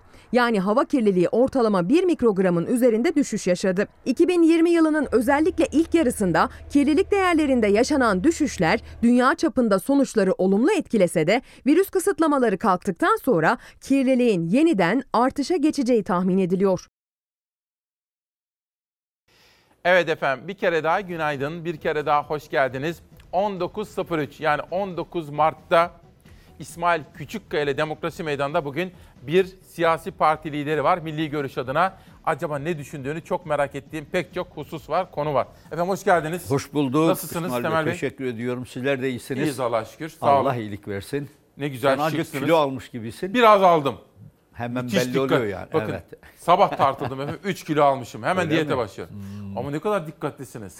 o dikkatli bilmiyorum Maşallah. ama gözüküyor demek. Göz- Evet. tamam 3 kiloyu vereceğim efendim. Evet. Peki şimdi gündemdeki konu İrfan Tomakin'den yönetmenimden rica edeceğim. HDP'nin kapatılması ve siyasi partilerin gösterdiği tepkiyle başlayalım. Saadet lideriyle sohbet edeceğiz. HDP siyasi kisveye bürünmüş suç örgüsüdür. Herhangi bir isimle açılmamak üzere kapatılması tarihe namus görevidir. Siyasi partilerin kapatılması, siyasi partilerin sonlandırılması gibi bir süreci bırakmak zorundayız. Demokrasiyi eğer savunuyorsak Siyasi meşruiyet toplum desteğiyle sağlanır. 6 milyon oy olan bir partiyi yargı yoluyla engellemeye çalışmak oy veren milletimize saygısızlıktır. HDP'nin kapatılmasını en çok dile getiren Bahçeli, Yargıtay Cumhuriyet Başsavcılığı'nın adımını yerinde buldu. Muhalefet ise kapatma davasına karşı ses yükseltti. Cumhurbaşkanı sessiz ama Cumhurbaşkanlığı İletişim Başkanı ise İngilizce açıklama yaptı. Kapatma dışındaki seçeneklere de vurgu yaptı. HDP'nin PKK ile organik bağlarının olduğu tartışılmaz bir gerçektir. Bu ilişkinin HDP'nin kapatılmasını mı yoksa başka bir cezalandırıcı tedbire tabi tutulmasını mı gerektirdiği Anayasa Mahkemesi'nin tek başına yanıtlayabileceği bir sorudur. Parti kapatmalar, kapatma teşebbüsleri, meclisteki milletvekili manzaraları bizim istediğimiz Türkiye bu değil. Yargıtay Cumhuriyet Başsavcılığı'nın HDP'nin kapatılma istemiyle hazırladığı iddianameyi Anayasa Mahkemesi'ne göndermesi hakkın, hukukun ve adaletin sesidir ve bu gelişme milletin yüreğine su serpmiştir. Zaten Türkiye'de Sayın Erdoğan'ın dediği olmuyor artık. Hangi parti kapatılacak, kim ne olacak, hakimler ne karar verecek? Bunlarla ilgili Sayın Bahçeli karar veriyor. Dünyada mesela farklı modeller de var. Bu tip terör örgütü propagandası yapanların hazine yardımını almasının engellenmesi gibi. AK Parti bugüne kadar Cumhur İttifakı ortağının HDP kapatılmalı çağrılarına mesafeliydi. Kapatma davasını destekleyen bir açıklama da gelmedi. 11. Cumhurbaşkanı Abdullah Gül de kapatma davası yanlış dedi. Parti kapatmalarının ve dokunulmazlıkların kaldırılmasının terör örgütlerinin işine geldiğini daha önceki deneyimler göstermiştir. Anayasamızda, mevzuatımızda parti kapatma var. İlk defa karşılaşılan bir durum da değil. Gönül ister ki olmasın. Siyasi görüşleri, ekonomik görüşleri her siyasi parti kendisine göre yorumlar. Halkın desteğini alan siyasi parti yaşar, almayan siyasi partiler tarihin çöp sepetine atılırlar. HDP PKK'dır, cinayettir, bölücülüktür. HDP ile yasak ilişki zalimlere diz çökmektir. Devam eden hukuk süreciyle ilgili yorum yapmak hukuka müdahaledir. Tutarsız ve iç işlerine müdahaleye yeltenen çevreleri bağımsız mahkemelerce yürütülen yargı süreçlerine saygı duymaya davet ediyoruz. Türk Dışişleri Bakanlığı da Avrupa Birliği ve Amerika'dan gelen tepkilere ses yükseltti. ABD Dışişleri Sözcüsü'nün parti kapatma Türk seçmeninin iradesini haksız yere yok saymak, Türk demokrasisinin altına oymak ifadesine. Şimdi efendim bugün hazır demokrasi meydanında deneyimli bir siyaset adamı bulmuşken geçmişte de efendim siz de çok partiniz kapatıldı. neler neler Evet. yaşadınız. İktidar partisi de işte yaşadı Yani bunları. Biz iktidardayken bizim hakkımızda kapatma davası açıldı ve karara bağlandı. Ancak orada karar önceden maalesef Genelkurmay Başkanlığı tarafından verildi. İşin üzücü tarafı o. Arkasından yani iş çevreleri bu işe destek verdi. Sivil toplum örgütleri verdi. Medya? Medya, Medya verdi. verdi. Çok ciddi bir şekilde biraz daha ileriye gittik. Anayasa Mahkemesi üyeleri verdi. Askeri emredersiniz Yıl kaç? dediler. Yıl kaç efendim? 1997. 90'lar diyelim. Şimdi kaç? 24 sene geçmiş Peki aradan. ne diyorsunuz bu Şimdi bu aslında tabii e, siyasi partilerin e, kapatılması eğer bir ülkede birazcık alışkanlık haline geldiyse doğru değildir. Ama bir siyasi parti suç odağı haline gelmişse elbette kapatılır. Ancak ben şu anda koparılan bu e, yaygara demeyeyim yani bu havayı biraz e, isabetli bulmuyorum şundan dolayı. Çok Aslında ilginç. bugünkü şartlarda Tayyip Bey tabiri caizse Bahçeli'nin gazını aldı. Ben şahsen bugünkü hukuki şartlar dikkate alındığında Anayasa Mahkemesi'nin HDP'nin kapatılması konusunda e, karar verme ortamının şartlarının oluşmadığını şahsen görüyorum. Kapatılabilir mi? Kapatılır. Madde ne? İşte tüzüğünde vesairesinde varsa esas itibariyle şu andaki gündemdeki olan konu suç odağı haline gelmişse. Peki bir partinin suç odağı haline geldiği nasıl belli olur? Mahkeme kararlarıyla. Yani şimdi siz Anayasa Mahkemesi şahısları yargılamayacak. Anayasa Mahkemesi bugünkü şartlarda HDP'nin suç odağı haline gelip gelmediğine hukuki yönden bakacak. Tamam. Zaten iddianame var. İddiane var. 600 küsur sayfa. Ancak ancak bir sürü 600-700 kişi de suçla itham ediliyor. Ancak Anayasa Mahkemesi benim anladığım bu. Yanlış olabilir göreceğiz. Kimler var suçlu? Mahkeme kararıyla suçu sabit olan kimse yok. Allah Allah. E peki de ben bu davayı nasıl kabul edeceğim? Diyecek. Siz böyle görüyorsunuz. Ben böyle görüyorum. Peki. Böylece Sayın Bahçeli'nin tam kongre döneminde bak dedikleri oluyor, davada açıldı denilmiş olacak. Onlar memnun olacaklar. Siyaseten bir hamle gibi görüyorsunuz. Tabii hamle gibi gözükecek ama öbür taraftan da hukuken bu gerçekleşmediği için de dünyaya gene bir mesaj. Bak biz hukuka uyuyoruz. Anayasa, Anayasa Mahkemesi kararlarına uyuyoruz ve bizim Anayasa Mahkememiz de mahkememiz de doğru karar verir diyecek. Böylece biz dünyaya da bir meydan okumuş olacağız aynı Çok zamanda. Enteresan bir değerlendirme. Abdullah Gül bir önceki Cumhurbaşkanı ne söylemiş hemen rica edelim. Dinle sevgili ülkem diyorum. 11. Cumhurbaşkanı Gül T24'de konuştu. HDP'ye kapatma davası açılmasını ve Gergerlioğlu'nun milletvekilinin düşürmesini çok yanlış buluyorum. Bir de Gergerlioğlu meselesi var. E tabii yani bir tweetten dolayı bir insanın cezalandırılması, retweetten dolayı bunu e, doğru bulmayı nasıl doğru bulunuyor ben pek e, hafızam Siz almıyor. tanır mısınız efendim Gergerlioğlu'nu? Tanım, hiç tanımıyorum. Tanımaz Hayır, mısınız? Tanımıyorum, tanımıyorum. Ama yani ne olursa olsun bir meseleye yaklaşımda hakikaten e, delillerin ne olduğu çok önemlidir. Biz kapatılırken sadece kaz- gazete küpürleriyle kapatıldık. Bizim hakkımızda somut hiçbir delil yoktu. Refah Partisi kapatıldığı zaman hiçbir delil yoktu. Ve bu kararı o zamanki Anayasa Mahkemesi verdi. Ama son zamanlarda Anayasa Mahkemesi'nin verdiği Özgür, özgürlükçü bir tutum görüyorum orada Ha, bir- yani özgürlükçü demeyelim de hukuku hukuki kurallara riayet eden bir anayasa anayasa mahkemesi var intiba bende doğmuş oldu şu anda.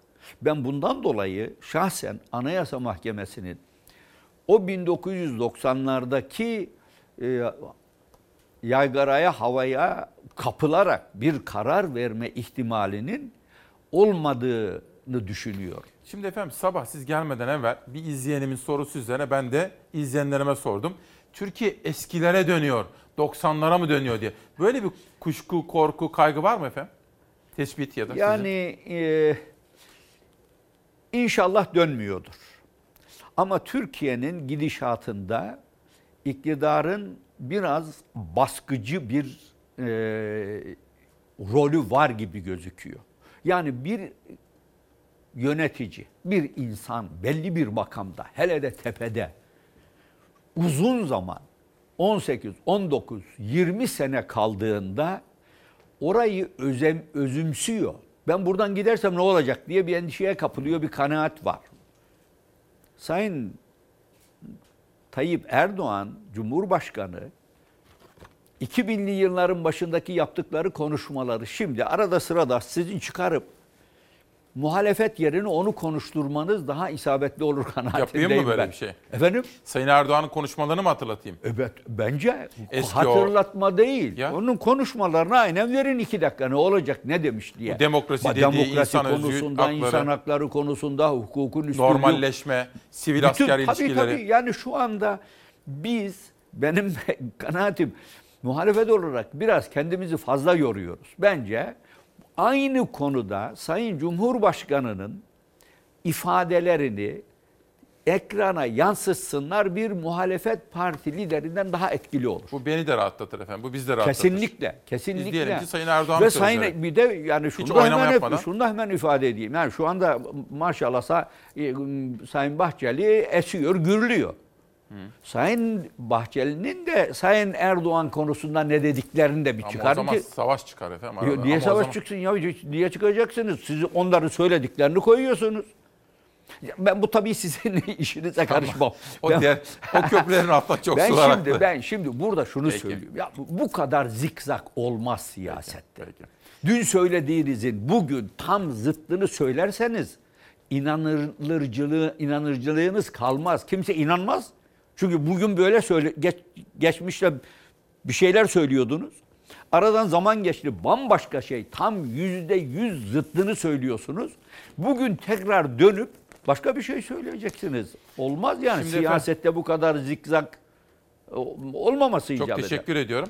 Şimdi sizin hafta sonunda Kongremiz Partinizin var. kongresi var. Evet, Ben onunla ilgili de kongremiz. bir soru soracağım ama Evet. önce bu çok ilginç buldum bunu. Evet. Sabah ekranlarda aktardım. Evet. Sizin hareketinize de geçmişte destekler vermiş bir grup. Yani hakikaten önemli bir gruptu. Evet. Albayrak grubu. Evet. Şimdi hükümeti de destekliyor. Erdoğan'ın da yanında. Evet. Bu operasyonu kim adına çektiniz diyor. Merkez Bankası'nın dün açıkladığı faiz artırımı ile ilgili. Allah Allah. Çok enteresan. Bunu nasıl yorumluyorsunuz efendim? Yani ben bunun iki tane yolu var. Bir, iktidarın çaresizliği. Çaresizlik şurada. Ekonomiyi bugüne kadar izledikleri yolla düzeltemiyorlar. İşin garibi kendileri sık sık ikaz edilmiş olmalarına rağmen de politikalarını değiştirmiyorlar. Bu politika içinde kalınca da faiz artırmaktan başka da bir yol bulamıyorlar. Bütün imkanlar tükendi. Bütün imkanlar tükendi. Para kalmadı. Yani benim havsalam almıyor. Şimdi diyorlar ki bu altınları falan kasalarında tutan kimseler var ya bunlar 500 gram altını getir her biri Merkez Bankası'na yatırsın. E yarın ne malum birisi çıkacak arkadaş bankalarda Merkez Bankası'nda özellikle bankalarda para tutanlar var ya yüzde onunu ben Merkez Bankası'na yatırıyorum istedikleri zaman ileride veririm. Derse ne olacak? Böyle bir şey olmaz. Olmasın. E, olmasın da e, bugün altınları nasıl alıyorlar? Herkes getirip 500 gramını bıraksın diye bir Vazgeçtiler efendim. O Efendim? kuyumcular, kuyumcular yandım Vaz- Allah gittiler Ha, ve kabul etti ondan sonra İyi. hükümete anlattılar Ya, vazgeçtiler. iyi bir şey. Evet. Ama bu yolu düşünmüş olmak çaresizliğin ifadesidir. Yol bitti. Artık bugünkü politikalarla ekonomiyi düzeltemezler. Onun için bütün bakın biz israf dediğimiz zaman çok e, yani eksik anlaşılıyor zannediyorum. Yani ne demek istiyorsun siz Ziya, israfta? mesela ziyafet vermek, bilmem işte lüks arabalara binmek, şunlar bunlar. Sadece bu değil. Türkiye'de devlet veya öz- özel sektör üretime dönük olmayan hiçbir yere para harcamayacak.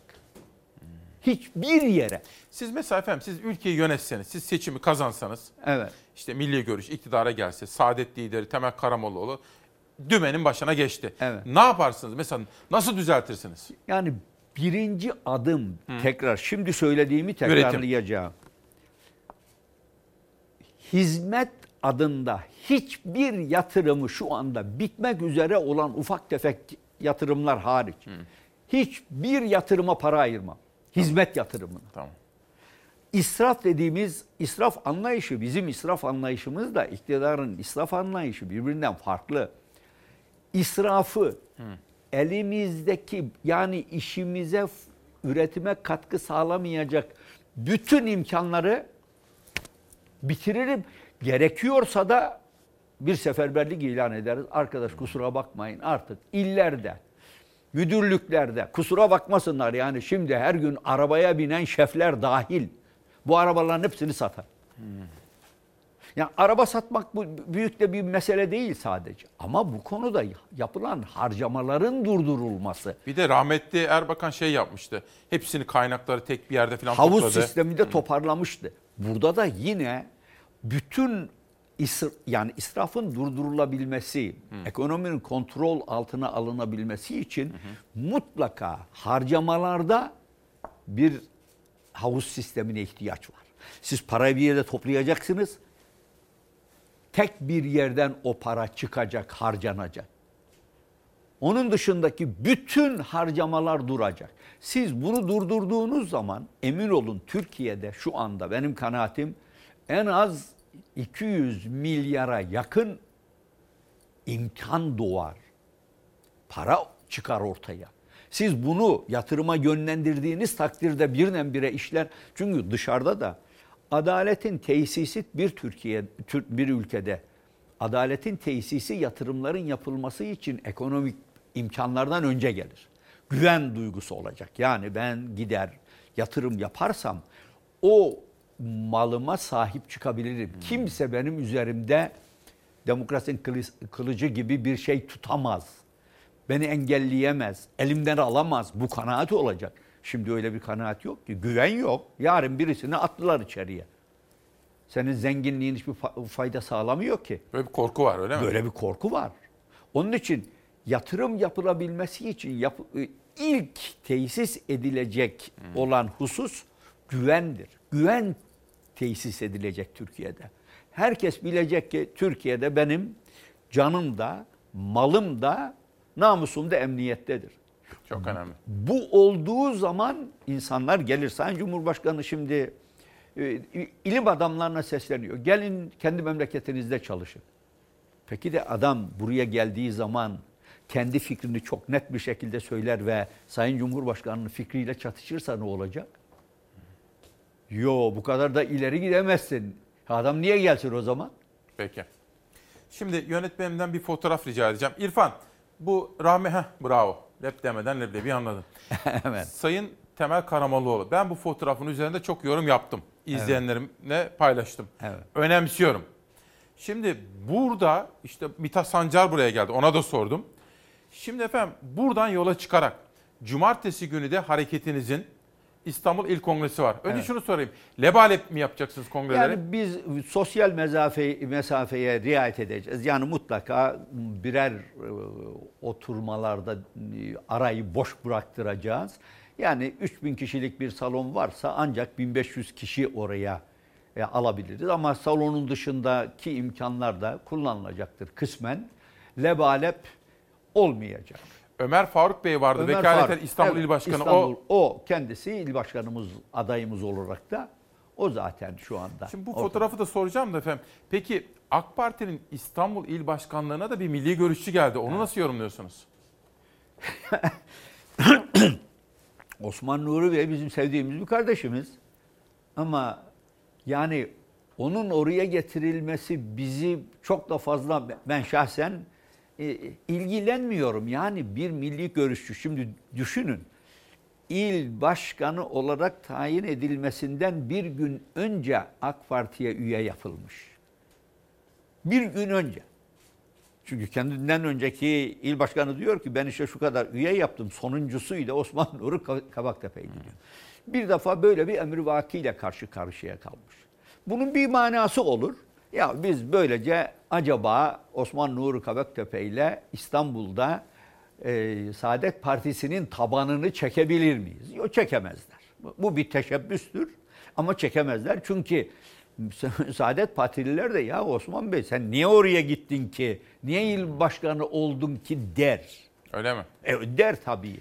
Onun için bu adım bazıları onu şöyle yorumluyor. Efendim bak bize karşı bir yaklaşım var. Yok Evet. ya benim altımı oymaya çalışan, çalışacak olan bir kişi eğer bir hakkın İstanbul İl Başkanlığı'nı üstlenmişse eski arkadaşlarını gel ya beraber çalışalım diye AK Parti'ye davet edecek. Bu bana bir O zaman faydası- rekabet olacak Ee, diyorsunuz Tabii siz. ya bu- bunun yani milli görüşe katkısıyla hiç alakası olmaz.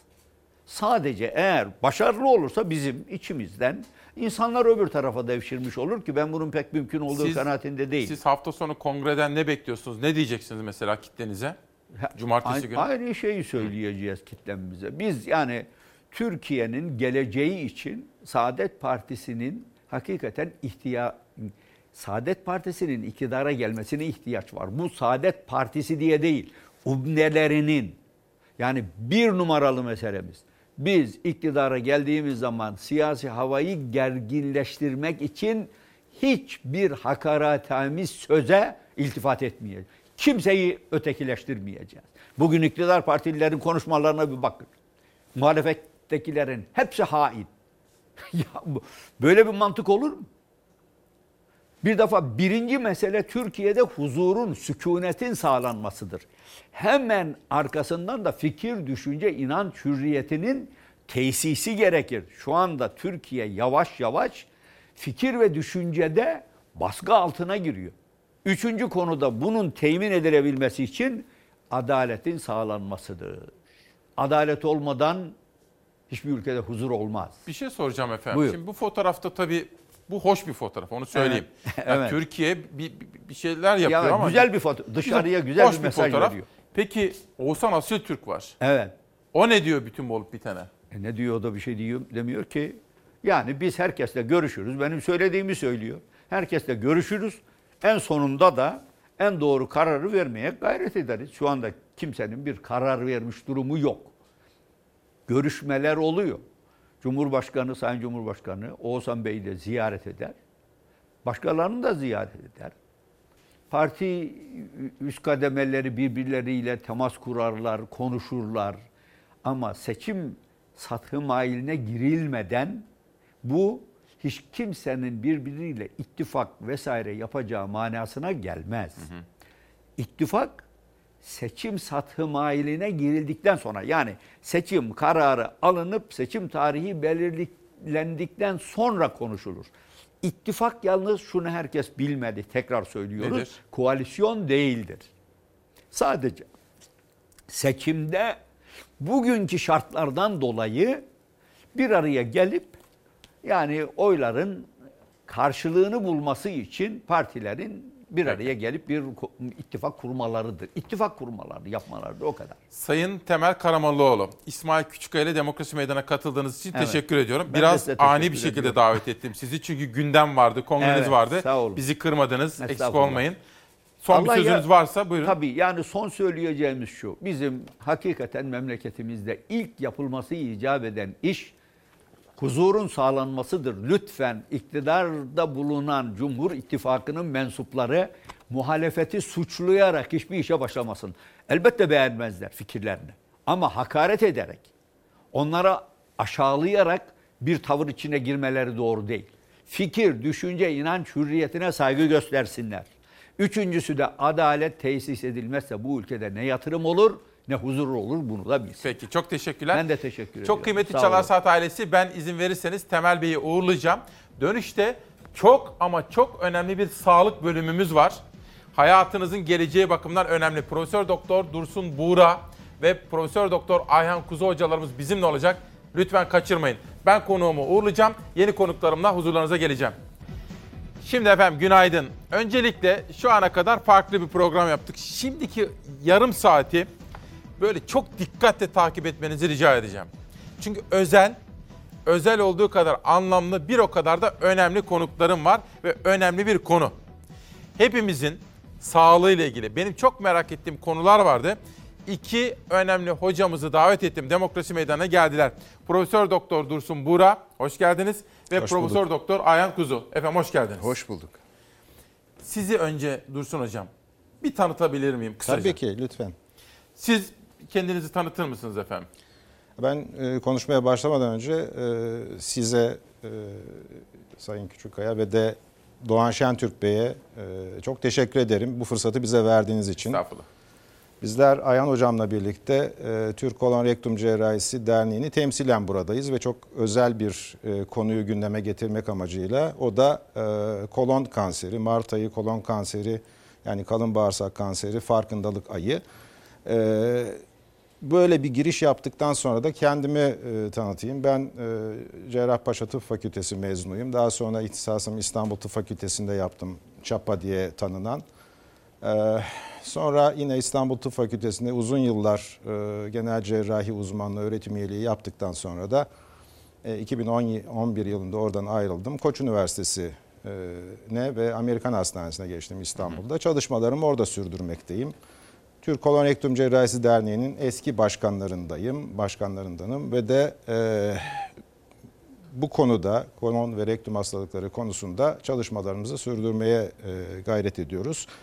Bir küçük teşekkürümü daha iletmek istiyorum. Lütfen. Bize bu e, çok önemli e, hastalıklarla alakalı, kolon rektum hastalıklarıyla alakalı bir farkındalık yaratmak amacıyla ve de topluma, meslektaşlarımıza katkıda bulunmak amacıyla bu derneği oluşturan 1990 yılında kuran e, ve bunun farkına vaktiyle varan e, değerli hocalarımı, özellikle onursal başkanımız Sayın e, Kemal Alemdaroğlu'nu ve onun birlikte e, bu mesai harcadığı çok saygıdeğer e, hocalarımı, rahmetli olanları e, e, rahmetle e, halen hayatta olanları ve birlikte çalışma fırsatını devam ettirdiğimiz hocalarımı da saygıyla anıyorum. Çok, Çok teşekkür teşekkürler. ederim.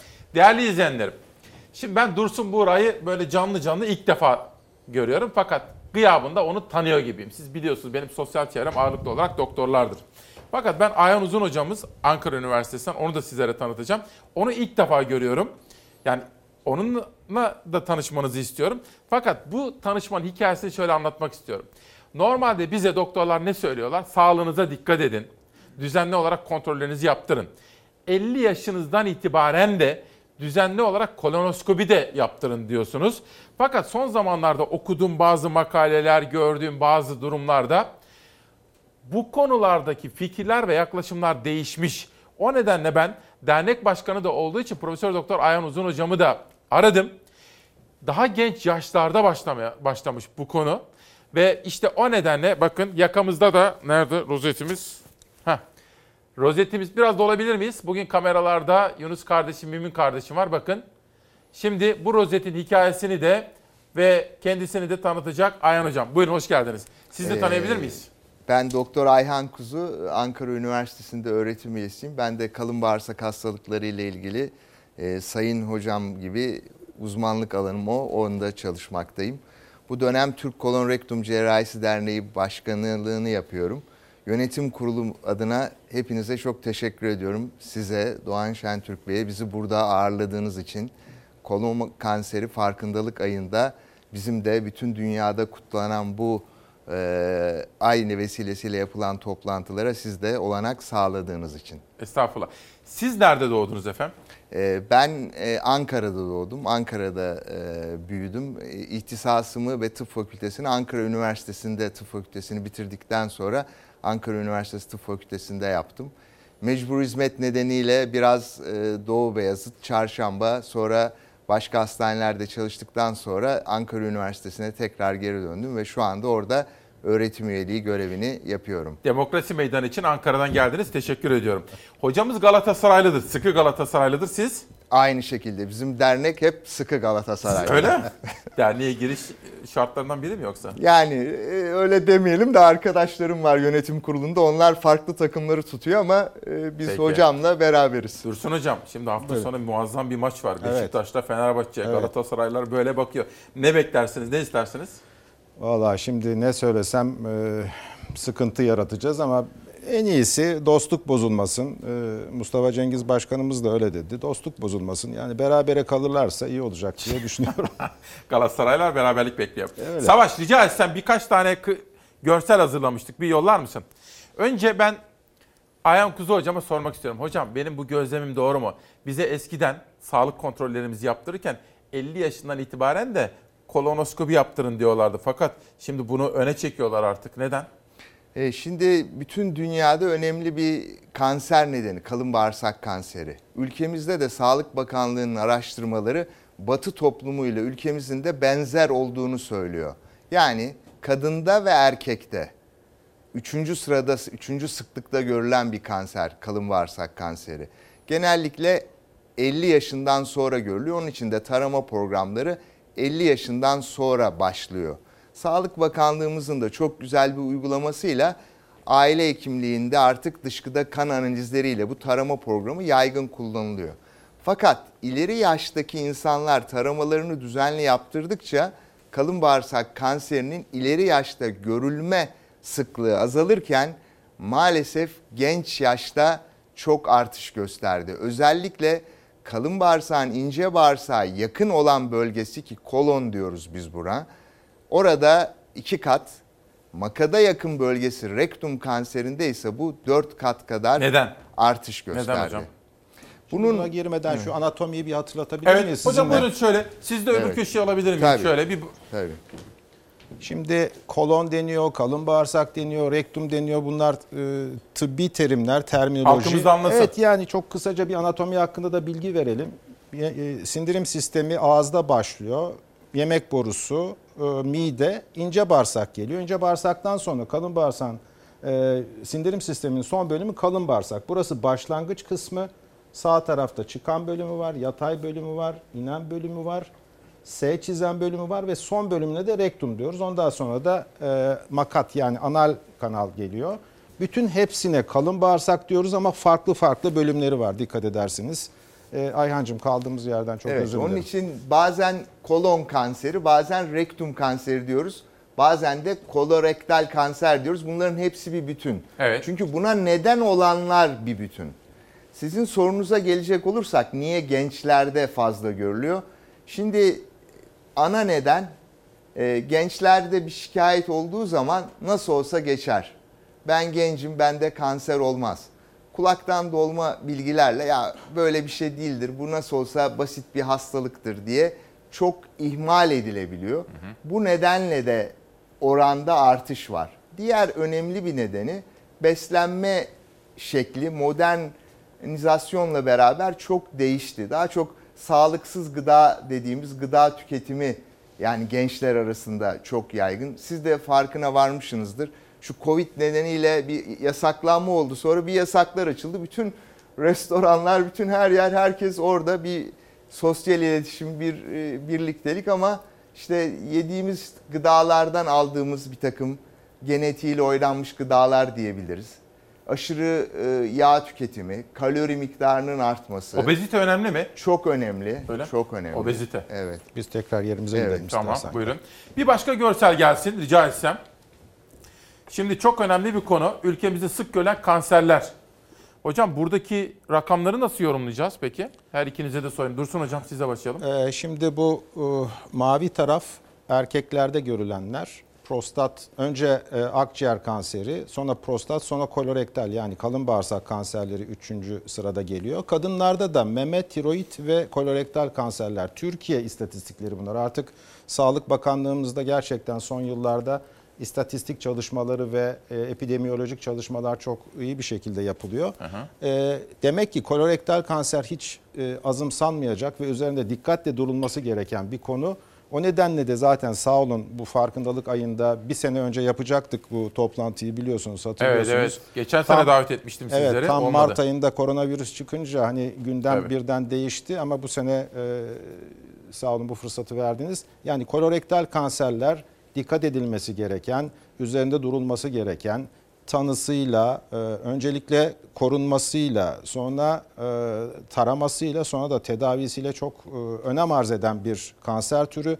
Bu nedenle de sadece meslektaşların bilinçlenmesi veya bunun için çalışmamız yetmiyor. Türk Kolorektum Cerrahisi Derneği'nin görevi özellikle meslektaşlarına yönelik eğitim faaliyetleri ama topluma yönelik de ciddi bir sorumluluğumuz var. Bu sorumlulukta e, bilinçlendirme ve e, geç kalmadan bir sorun ortaya çıkacaksa da e, bunu vaktiyle fark edip şikayetler üzerinden vaktiyle başvurmak, sırası geldiği zaman tarama testlerini hiç ihmal etmeden, etmeden yaptırmak ve bir sorun çıkacaksa da erkenden fark edip çözümünü bulup sağlıklı yaşamak. Yani bizim bütün amacımız bu. Hocam sözü buradan alıp size aktarmak istiyorum. Peki belirtisi ne mesela bunu? Nasıl anlayacağız? Hani erken anlayalım dedi ya Dursun hocamız. Evet. Nedir? Onu bir anlatır mısınız? Şimdi ona geçmeden şimdi Dursun hocamın sözüne iznini verirse bir şeyle Tabii. eklemek istiyorum. Şimdi listeye baktığınızda bu liste içindeki tek önlenebilir kanser. Bunun altını çok iyi çizmemiz gerekiyor. Önlenebilir kanser, Tek kolon önlenebilir kanseri. kanser kolon kanseri. Dolayısıyla bu nedenle biz gerek erkekler prostatları açısından çok önemli. Sigara içenler akciğer, kadınlarda meme kanseri hiçbir şekilde ama her iki cinste de üçüncü sıklıkta hatta bu 2014 istatistiği daha sonra yapılan istatistiklerde kadında ikinci sıraya bile geldi memeden sonra dünyada bazı ülkelerde. Belirtileri kalın bağırsağın demin Dursun hocam çok güzel anlattı. İnce bağırsağa yakın olan bölümlerinde ve kalın bağırsağın makada yakın olan bölümlerinde herhangi bir yerinde kanser gelişebiliyor. Kanser en çok kalın bağırsağın makada yakın bölümlerinde daha sık görülüyor. Fakat ince bağırsağa yakın sağ tarafında da kanser ortaya çıktığında onun belirtileri genellikle gözle görülmeyen kan kaybı oluyor. Onun için hastalarda yorgunluk, halsizlik, böyle kilo kaybı, nefes darlığı gibi bir değişik yani hisler meydana gelebiliyor. Ondan sonra karın ağrısı, karında huzursuzluk hissi, daha çok sol tarafa doğru geçtiğinde gene dışkılama alışkanlığında değişiklik ara sıra ishal, ara sıra kabızlık olabiliyor. Daha makada yaklaştığında dışkıda alışkanlık değiştiği gibi kan görülebiliyor. Veya dışkılama dürtüsü dediğimiz habire tuvalete gitme veya tam boşalamama gibi belirtiler olabiliyor.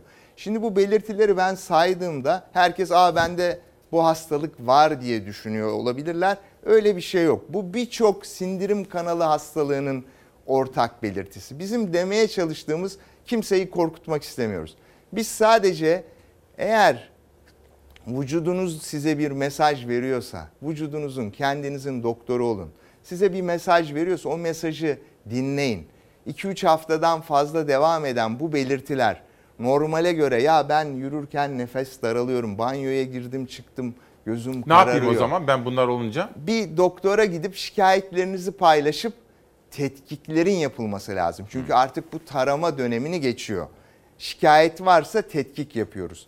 Taramalar ise her şey sağlıklıyken yapılıyor. Örneğin siz tamamen sağlıklısınız, her gün çok güzel programlar yapıyorsunuz. Ama yaşınız 50'ye geldiyse diyeceksiniz ki benim yaş nedenimle tarama tetkiklerini yaptırmam gerekiyor. Ben mesela kolonoskopimi, ikinci kolonoskopimi yaklaşık 10 gün önce yaptırdım. Allah'a şükür herhangi beş yılda bir mi? yok. 5 yıl, 7 yıl aile hikayesine göre değişiyor.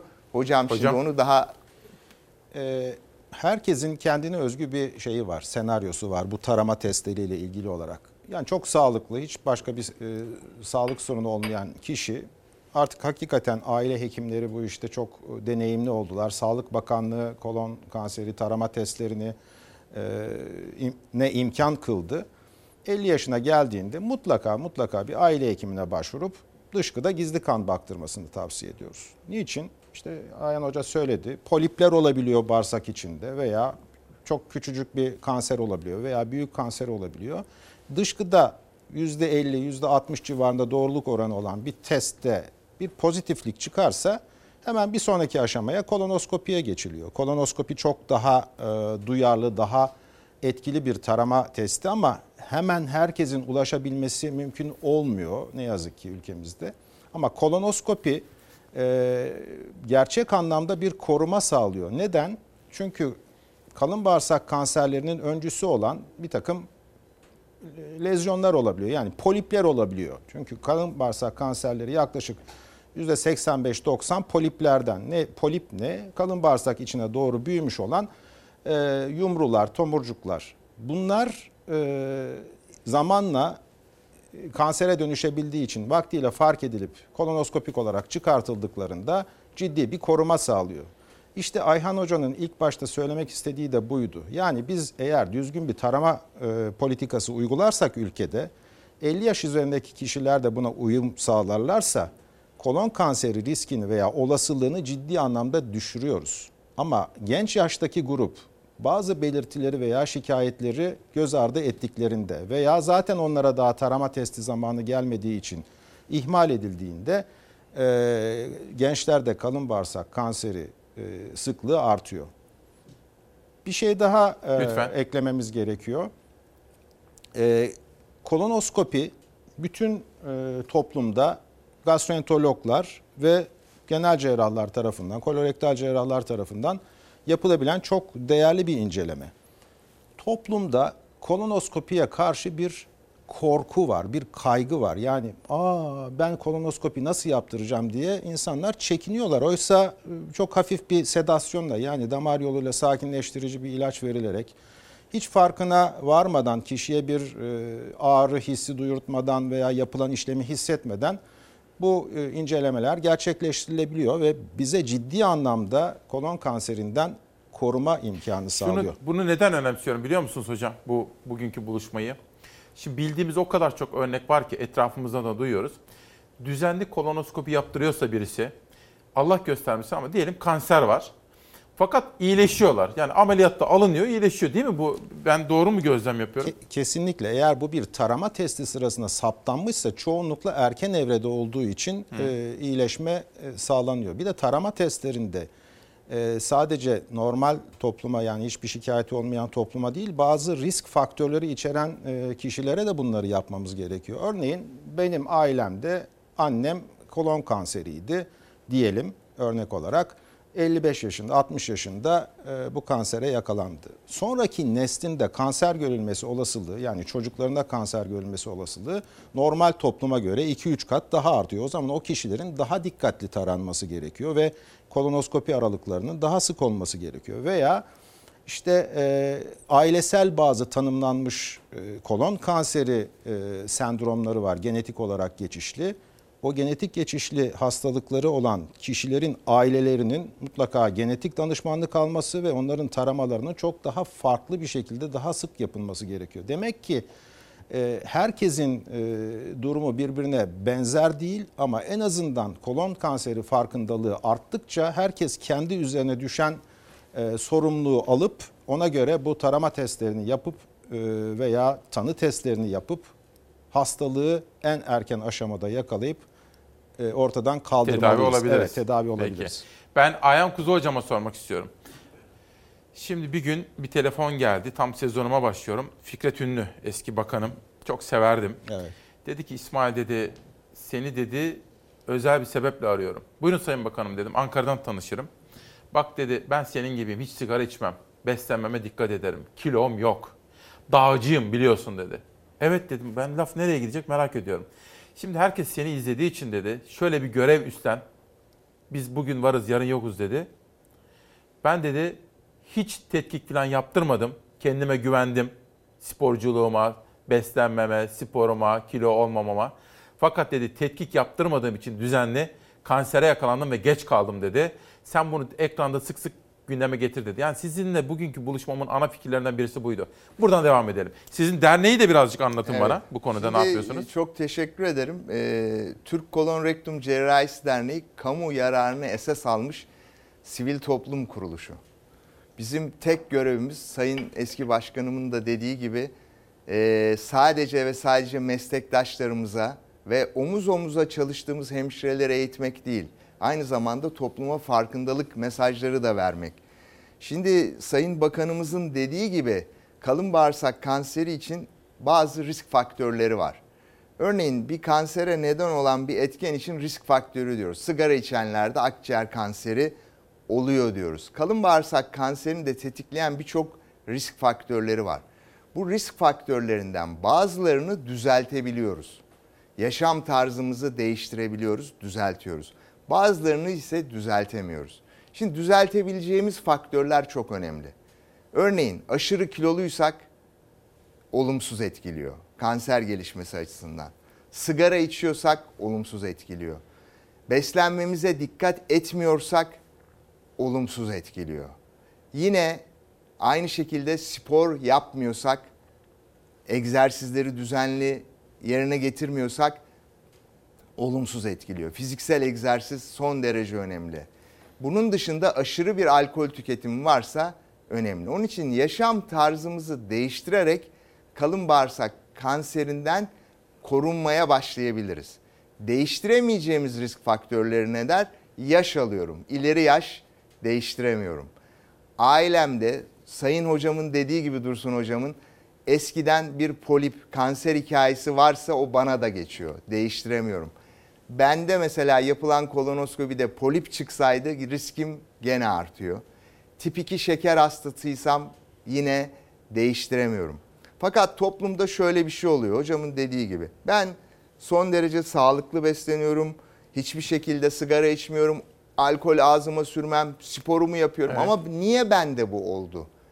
Tek başına yaşam tarzınızı değiştirmekle bunu engel olamıyorsunuz. Çünkü bize bir genetik miras geliyor.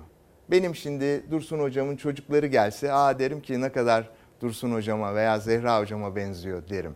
Yani bana annemden babamdan bir genetik miras genetik kalıyor. miras geliyor. Bu miras bazen o genleri de bana aktarıyor. Hmm. Bazen bu genler dışında çevresel faktörlerle beraber bazı tetiklenmeler oluyor ve kalın bağırsağında Dursun hocamın dediği gibi küçük bir kabartıdan tamamen iyi huylu olan polipten yıllar içinde kanser gelişebiliyor. O Dolayısıyla nedenle bunu önlemek için zamanında tetkik ve evet, tedavi. çok önemli. Hocam bir şey soracağım. Şimdi bu hastalıklara tabii son zamanlarda eskisi kadar eğilmiyoruz. Neden? Çünkü korona var. Bir, bir şey anlatır mısınız bize? Bu korona zamanında falan bu ihmal ettik mi bu hastalığı da? Çok güzel bir soru. Ee, Türkiye'de Mart ayında görüldü geçen sene 2020'de ve e, dünyada bizden daha önce görülmüştü ve bazı e, ülkelerin deneyimlerini biz de kendi içimizde e, yaşadık doğrusu. Bir, özellikle kanser hastaları ne yazık ki hastaneye gelmekten korktular. Yani şöyle bir duygu oluştu toplumda veya algı oluştu. Hastaneler işte vebalı, işte her virüs kaynayan e, kurumlar biz oraya gitmeyelim, yakalanmayın, yakalanmayalım hastalığa. O zaman hastalar gelmediler hastanelere. Tedavi ihtiyacı olan hastalar. Veya hastaneler zaten koronavirüs hastasıyla çok e, yoğun bir şekilde uğraşıp yataklarını onlara e, verdiği zaman da bu tür tedavilere ihtiyacı olan, hakkı olan hastalar fırsat bulamadılar tedavi olabilme adına. Onun için bir takım gecikmeler yaşadık. Sadece bizde değil, ülkemizde e, değil, e, bütün dünyada. Ve bunlar bir takım e, tıbbi araştırmalara ve yayınlara konu oldu. Ama e, kanser hastalarının sağ kalımlarında veya tedaviye ulaşmaktaki gecikmeleri onların yaşamlarında çok anlamlı bir gerilemeye neden olmadı, yol açmadı. Artık yavaş yavaş daha güvenli çalışma e, imkanlarına sahip olduk. E, bir kanser hastasına koronavirüs ortamında veya başka bir hastaya koronavirüs ortamında nasıl davranılması gerektiğine ait e, ciddi kılavuzlar e, çıktı. O nedenle hastanelerimiz güvenli, her türlü tedaviyi başarıyla yapabilecek kurumlarımız var. Koronavirüs hastaları da tabii ki e, dileriz e, tamamen ortadan kalkar bu hastalık ve o hastalarımıza e, yatak ayırmamıza gerek kalmaz ama gerek yoğun bakımlarda gerekse e, hastanelerimizde koronavirüs hastalarının da ayrı bir bölümde tedavileri devam ede gelmekte. Hiç birbiriyle e, çakışma olmaksızın e, sistem sağlıklı yürüyor diye düşünüyorum. Güzel, önemli. Evet hocam son olarak siz ne söylemek istersiniz? Sizin son sözünüzü alayım. Vermek istediğiniz mesaj toplumumuz bizi izlerken. Evet. Ben yani bu fırsatı verdiğiniz için çok teşekkür ediyorum. Biz Çünkü teşekkür biz ederiz. e, topluma sizin sayenizde seslenebildik. Dedik ki kalın bağırsak kanseri önlenebilir. Tedavi edilebilir, atlatılabilir bir hastalıktır. Gençlerimize dedik ki lütfen aile bireylerinizle oturun, riskiniz nedir onu hesaplayın. Anne, amca, baba, kardeşim bizim ailemizde polip hastası var mı? Kanser hastası var mı? Konuşun. Gençlerimize ve bütün topluma dedik ki tarama zamanınızda taramalarınızı yaptırın. Daha önemlisi yine seslendik. Dedik ki sağlığınızı, vücut sağlığınızı kendi doktorunuz olun. Vücudunuzun verdiği mesajları ihmal etmeyin. Eğer 2-3 haftadan fazla karnınız ağrıyorsa, bağırsak bir doktora gidin. Yine dedik ki yaşam tarzınızı değiştirin. Kilolarınızdan arının. Lütfen fiziksel egzersiz yapın. Beslenme tipinizi değiştirin. Daha çok bitki orijinli, sebze meyve yiyin. Zeytinyağı sigara kullanmayın, ağırlıklı. zeytinyağı yiyin. Bu mesajı sizin sayenizde verdik. Ben Türk Kolon Rektum Cerrahisi Yönetim Kurulu adına kendi adıma çok çok teşekkür ediyorum. Bizi burada ağırladınız ve bu çağrıyı topluma bu farkındalığı yapabildik Profesör diye. Doktor Ayhan Kuzu çok teşekkür ediyorum. Peki Profesör Doktor Dursun Buğra'ya da son sözünü soralım hocam. Ne söylemek istersiniz? Ayhan çok güzel özetledi gerçekten. Ülkemiz kolorektal e, kanser hastalığının tanıs, ta- e, tarama testleri, e, tanısı, tedavisi açısından çok iyi bir e, konumda. E, önümüzdeki yıl 2022'de Dünya e, Kolorektum Cerrahisi Kongresi'ni yapacağız İstanbul'da. İstanbul'da mı? Evet Ne güzel. İstanbul'da olacak. Önemli. E, çok önemli E, ve o zaman da sizi ziyaret ederiz. E, Seve seve. Şimdiden uluslara- sözleşmiş Uluslararası olalım. meslektaşlarımızla birlikte e, güzel bir program yaparız diye e, umut ediyorum. Ne zaman dediniz hocam? Gelecek Ee, yıl? 26-28 Ekim 2022'de. Çok iyi. Biz de başlamış oluyoruz. Eylül'de başlarız. Evet. O zaman sabah randevumuza böyle hatta yabancı konuklarınıza birkaç gün boyunca yapalım bunu. Valla çok güzel olur. Ee, seviniriz. Ee, tam bir farkındalık olur. Harika. Efendim ben her ikinize de çok teşekkür ediyorum. Sevgili Çalar Saat ailesi devam edeceğiz. Bir dakika 11'e kadar. Şimdi ben yönetmenim Savaş Yıldız'dan rica edeceğim. Dün sizler için bir klip seçtim. Ben çok seviyorum. Sizlere de hatırlatmak istedim. İzleyelim. Ben sonra konuklarımı uğurlayacağım. Aranıza döneceğim ve 11'e kadar birlikteyiz.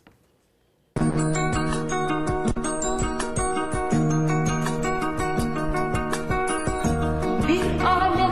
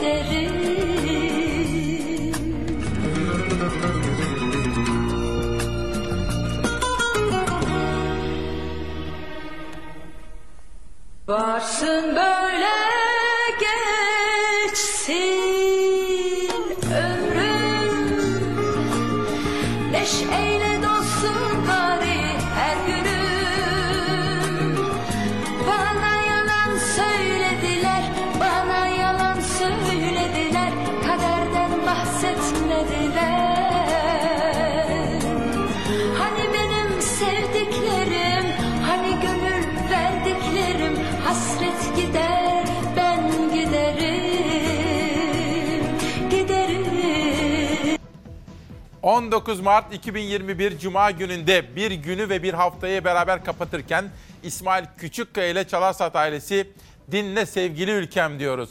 Dinle sevgili ülkem. Korona ile ilgili ve korona uyku arasındaki bağlantıya dair bir manşetle devam ediyoruz.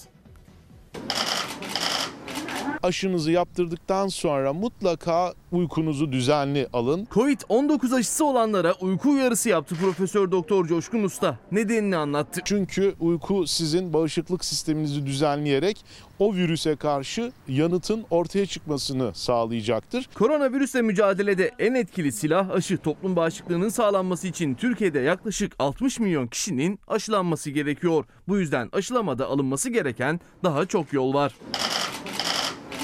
Sırası gelip aşı olanlar içinse bir uyarısı var. Akdeniz Üniversitesi Tıp Fakültesi öğretim üyesi Profesör Doktor Coşkun Usta'nın. Grip aşısında veya e, hepatit aşılarında aşıyı yaptırdıktan sonra kişiler o gece ve ilk 10 gün içerisinde çok iyi uyurlarsa, uy- uykularında bir sorun yaşamazlarsa e, antikor yanıtların çok daha güçlü olduğu ortaya çıkmış. Dolayısıyla aynı öngörüyü biz COVID için de yapabiliriz. Sağlıklı beslenmek, doğal mineral ve vitaminler almak ve uyku düzenine dikkat etmek de aşının daha etkin olması için önemli. Aşı olan kişilerin uykusuna çok dikkat etmeleri gerekiyor. Uyku en az beslenme kadar bağışıklık sistemimiz açısından çok kritik. Bir ülke düşünün. Korona ile mücadele kapsamında bütün vatandaşlarını aşılamış. Evet evet böyle bir ülke düşünün. Sırada öyle bir ülkede sosyal hayat nasıl cereyan edecek ona bakacağız. Ama önce Sibel Akova'nın yeni çıkan kitabı Çalar Saat'te. Atol Behramoğlu Lozan bir oyun iki bölümlük. Osman Özbek bir Ankara Hikayesi isimli kitabı da bu sabah Çalar Saat'te. İşte o ülke. Bütün vatandaşlarını aşılayınca acaba sosyal hayat neye dönecek? 9 milyon 300 bin nüfuslu İsrail'de 16 yaş üstü herkes aşılandı. Ülke ekonomisi tamamen açıldı. Pfizer-BioNTech aşısının çocuklar üzerinde deneme süresi de tamamlandı. İsrail 16 yaş altı için toplu aşılamayı da başlatıyor.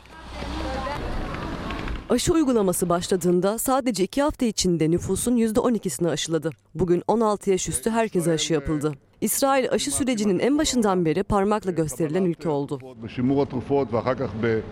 Pfizer-BioNTech ile yaptığı aşı anlaşmasını, anlaşmanın şartları, doz başı ödenen ücreti, tüm süreci basınla paylaştı İsrail hükümeti. Avrupa ülkelerine kıyasla doz başına daha çok ödeme yaptıkları da gündeme geldi. Ancak hiç hız kesmedi aşı uygulaması. Çocuklarda güvenliğine dair çok raporlama olmadığı halde denemeler başladı.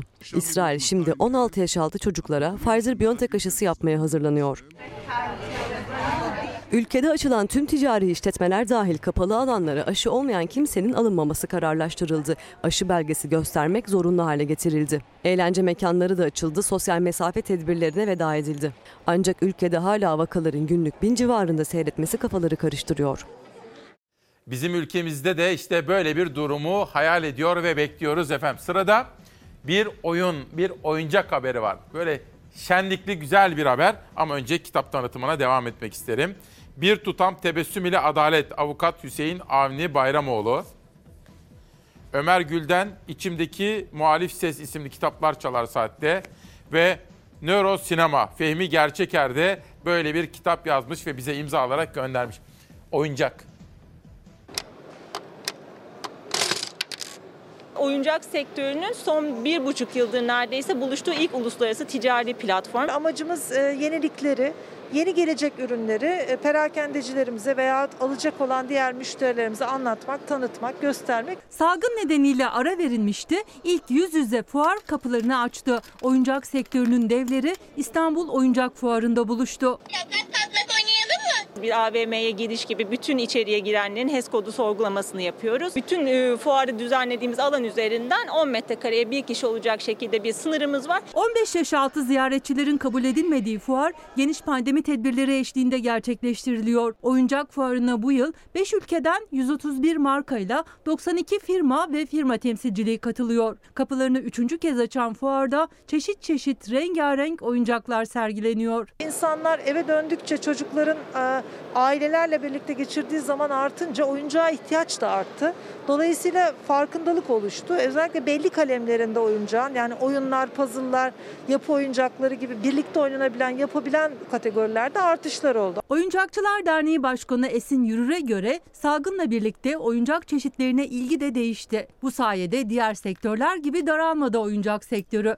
Ancak ham madde pahalılığı nedeniyle fiyatlar arttı. Ham madde fiyatları bir ayda 1200 dolardan 3000 dolara çıktı. Stokçuluk yapıyorlar. Piyasada ham madde yok. Oyuncak fiyatlarına tabii ki yansıdı. 10 liralık oyuncak 15 lira oldu. Fuar 19 Mart Cuma akşamına dek TÜYAP'ta ziyaretçilerini bekliyor. Sırada hayat pahalılığına ilişkin bir haber var. Önemli bir haber. Ama önce siz Çalarsat ailesine içtenlikle teşekkür ediyorum. İsmail Küçükkaya ile Çalarsat ailesi benimle birlikte günü ve haftayı karşılayıp uğurladığınız için. Sonra haber masasındaki 3 arkadaşıma haber yapan Zafer Söken, Beyza Gözeyik ve Ezgi Gözegere. Editörüm Zeray Kınacı'ya, yönetmenim Savaş Yıldız'a, rejideki, kurgudaki bütün ekip arkadaşlarıma, danışmanıma Nihal Kemaloğlu'na, Orada Yunus kardeşim var. Adanalıdır biliyorsunuz. Burada Mümin kardeşim var. O da Eskişehirlidir. Bütün ekip arkadaşlarıma, sesçimiz Turgay'a, teknik yönetmenimiz Latif abimize teşekkür ediyorum efendim. Rana Erol, Gölgedeki Sırlar isimli kitabıyla bu sabah çalar saatte. Ve Kelime Ata, Kızıldan Yeşili isimli kitabı da bu sabah çalar saatte. Hayat pahalılığı her geçen gün maalesef artıyor. Topraklarımız güzel meyve verir, güzel zepseler verir. Ama hani bir bıçağı bir liraya alıyorduk. Şimdi 5 lira. Ben köy insanıyım. Keşke tarladan çıkış olsa yavrum. Onlar da kazansa. Burası mesela ki. Değil mi? Ispanak. 5 liraya da var. Ama orada artık 50 kuruşun 1 lira mı? Öyledir çocuk. Toprak herkese yetecek kadar veriyor. Çiftçi emeğiyle, alın teriyle ekiyor, biçiyor ama sebze meyve tezgaha geldiğinde fiyatı tüketicinin yüzünü güldürmüyor. TÜİK ürünlerin yeterlilik oranlarını açıkladı. Çoğu talebin üstünde üretiliyor. Buna rağmen etiketleri ateş pahası. %100 zam gelmiş. Yani millet buraya geliyor ve aynı benim gibi bakıyor bakıyor gidiyor. İnsanlar genelde et yiyemiyordu, sebze yiyordu. Bu sene sebzeyi almakta da zorlanıyorlar. TÜİK verilerine göre portakal ve limonun yeterlilik derecesi %100'den fazla. Ancak tezgahta fiyatlara baktığımızda oldukça yüksek. Örneğin portakalın kilosu 6, limonun kilosu ise 7 lira. Sebzeler için de durum farksız. Tam da mevsim sebzesi olan pırasanın kilosu 7, ıspanağın kilosu ise 5 liradan satılıyor. Portakal veyahut da greyfurt. Aldığımız da oldu da her zaman değil. Fiyatından dolayı. Evet, evet yavrum benim. Tüketicinin yanına bile yaklaşamadığı greyfurt talebin 4 katı kadar üretildi. Yazın el yakan kayısı da neredeyse o seviyede. Üretime rağmen artan fiyatların ilk sebebi çiftçinin yıldan yıla yükselen gider kalemleri. Ziraat Mühendisleri Odası İstanbul Şube Başkanı Murat Kapıkıran'a göre ikinci sebebi ise tarladan tezgaha aracılarla artan maliyet. Piyasada hal ve e, zincir marketler arasında üreticilerin e, bir sıkışmışlığı mevcut. Nakliye ve lojistik e, e, fiyatlarının da e, petrole gelen zamlar nedeniyle tekrardan indirilmemesi nedeniyle e, yüksek olduğunu görüyoruz. Bakın şimdi ben nakliyeciydim. Tarladan aldık diyelim 1 liraya. Markete de geldiği zaman 5-6 lira oluyor, 7 lira oluyor. Bir ay önce Antalya'dan limon aldım 2 lira. Burada 6 lira. Maalesef e, çiftçi de kazanmıyor. Aracılar kazanıyor genelde. Efendim bu hafta bir de Yaşlar Haftası. Biz de Üretken Bilge Yaşlar Derneği'nden onların bu haftaya özgü etkinlikleri için bilgiler toparladık. Bakın paneller var, toplantılar var, konserler var toplantılar yapıyorlar ve biz de kendilerine teşekkür ediyoruz. Üretken Bilge Yaşlılar Derneği Velittin Kalınkara Profesör Velittin Kalınkara hocamızın başkanlığında panelde düzenlemişler efendim. O da 20 Mart'ta saat 20'de gerçekleşecekmiş. Onlara da teşekkür ediyorum. Kelime Ata benim yıllar önce gazeteciliğe başladığımda gördüğüm çok başarılı bir kadın gazetecidir. Sol, Aleviler, Ali Baba Mahallesi ve Sivas'ta Dönüşen Siyaset isimli kitabında kendime sakladım efendim. Bir kitap daha Mavi Tekerlekli Bisiklet Serdar Sevgi. Kadınların coşkusunu, kadınların azmini, kadınların neşesini, kadınların şarkı söyleme özgürlüğünü kimse ellerinden alamaz. جوانم زنم بر روی زخم بر تنم فقط به حکم بودنم که من زنم زنم زنم چو هم صدا شویم و پا به پای هم رویم و دست به دست هم دهیم و از ستم رها شویم چو هم صدا شویم و پا به پای هم رویم و دست به دست هم دهیم و از ستم رها شویم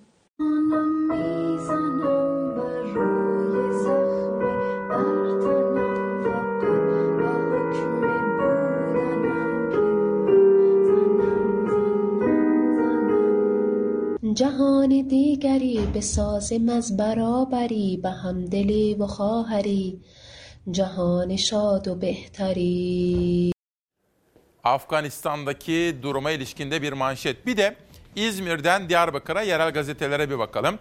Kontenjan mağduruyuz diyor. Hükümetin 2021 için 20 bin sözleşmeli öğretmen atama kararı branş, branş bazında kontenjanların düşürmesi nedeniyle binlerce öğretmen adayı mağdur oldu diyoruz İzmir. Oradan Diyarbakır'a geçelim. Günde 45-50 pozitif vaka çıkıyor ve burada Covid-19'a ilişkin meydana gelen gelişmeler Diyarbakır'a nasıl yansıdı? Yeni Gün gazetesinden görüyorum. Alanya'ya geçtiğim zaman köyümüze dönelim manşetini görüyorum. Şerife Çoban'ın özel haberi. Alanya'da Büyükşehir yasası ile mahalleye dönüşen 68 yerleşim yeri yeniden köy olmak istiyor şeklindeki bir haber.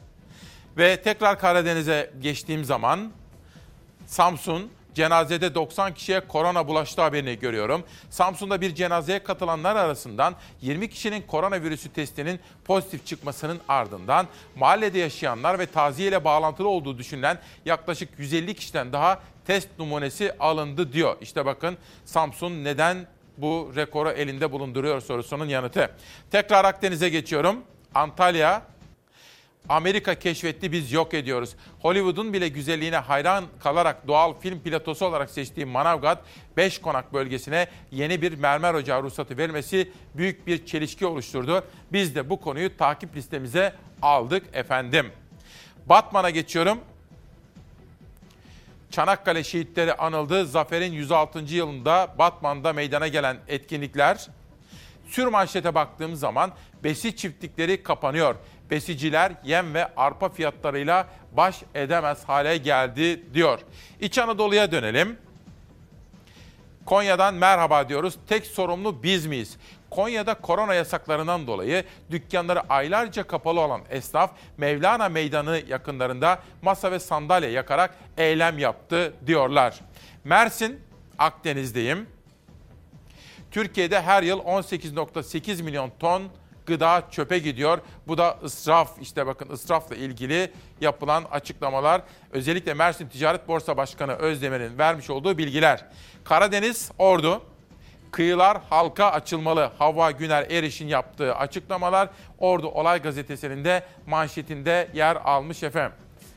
Nasıl bir gündü, nasıl bir haftaydı öyle değil mi efendim? Tabii hafta sonunda hem dinleneceğiz hem de çalışacağız.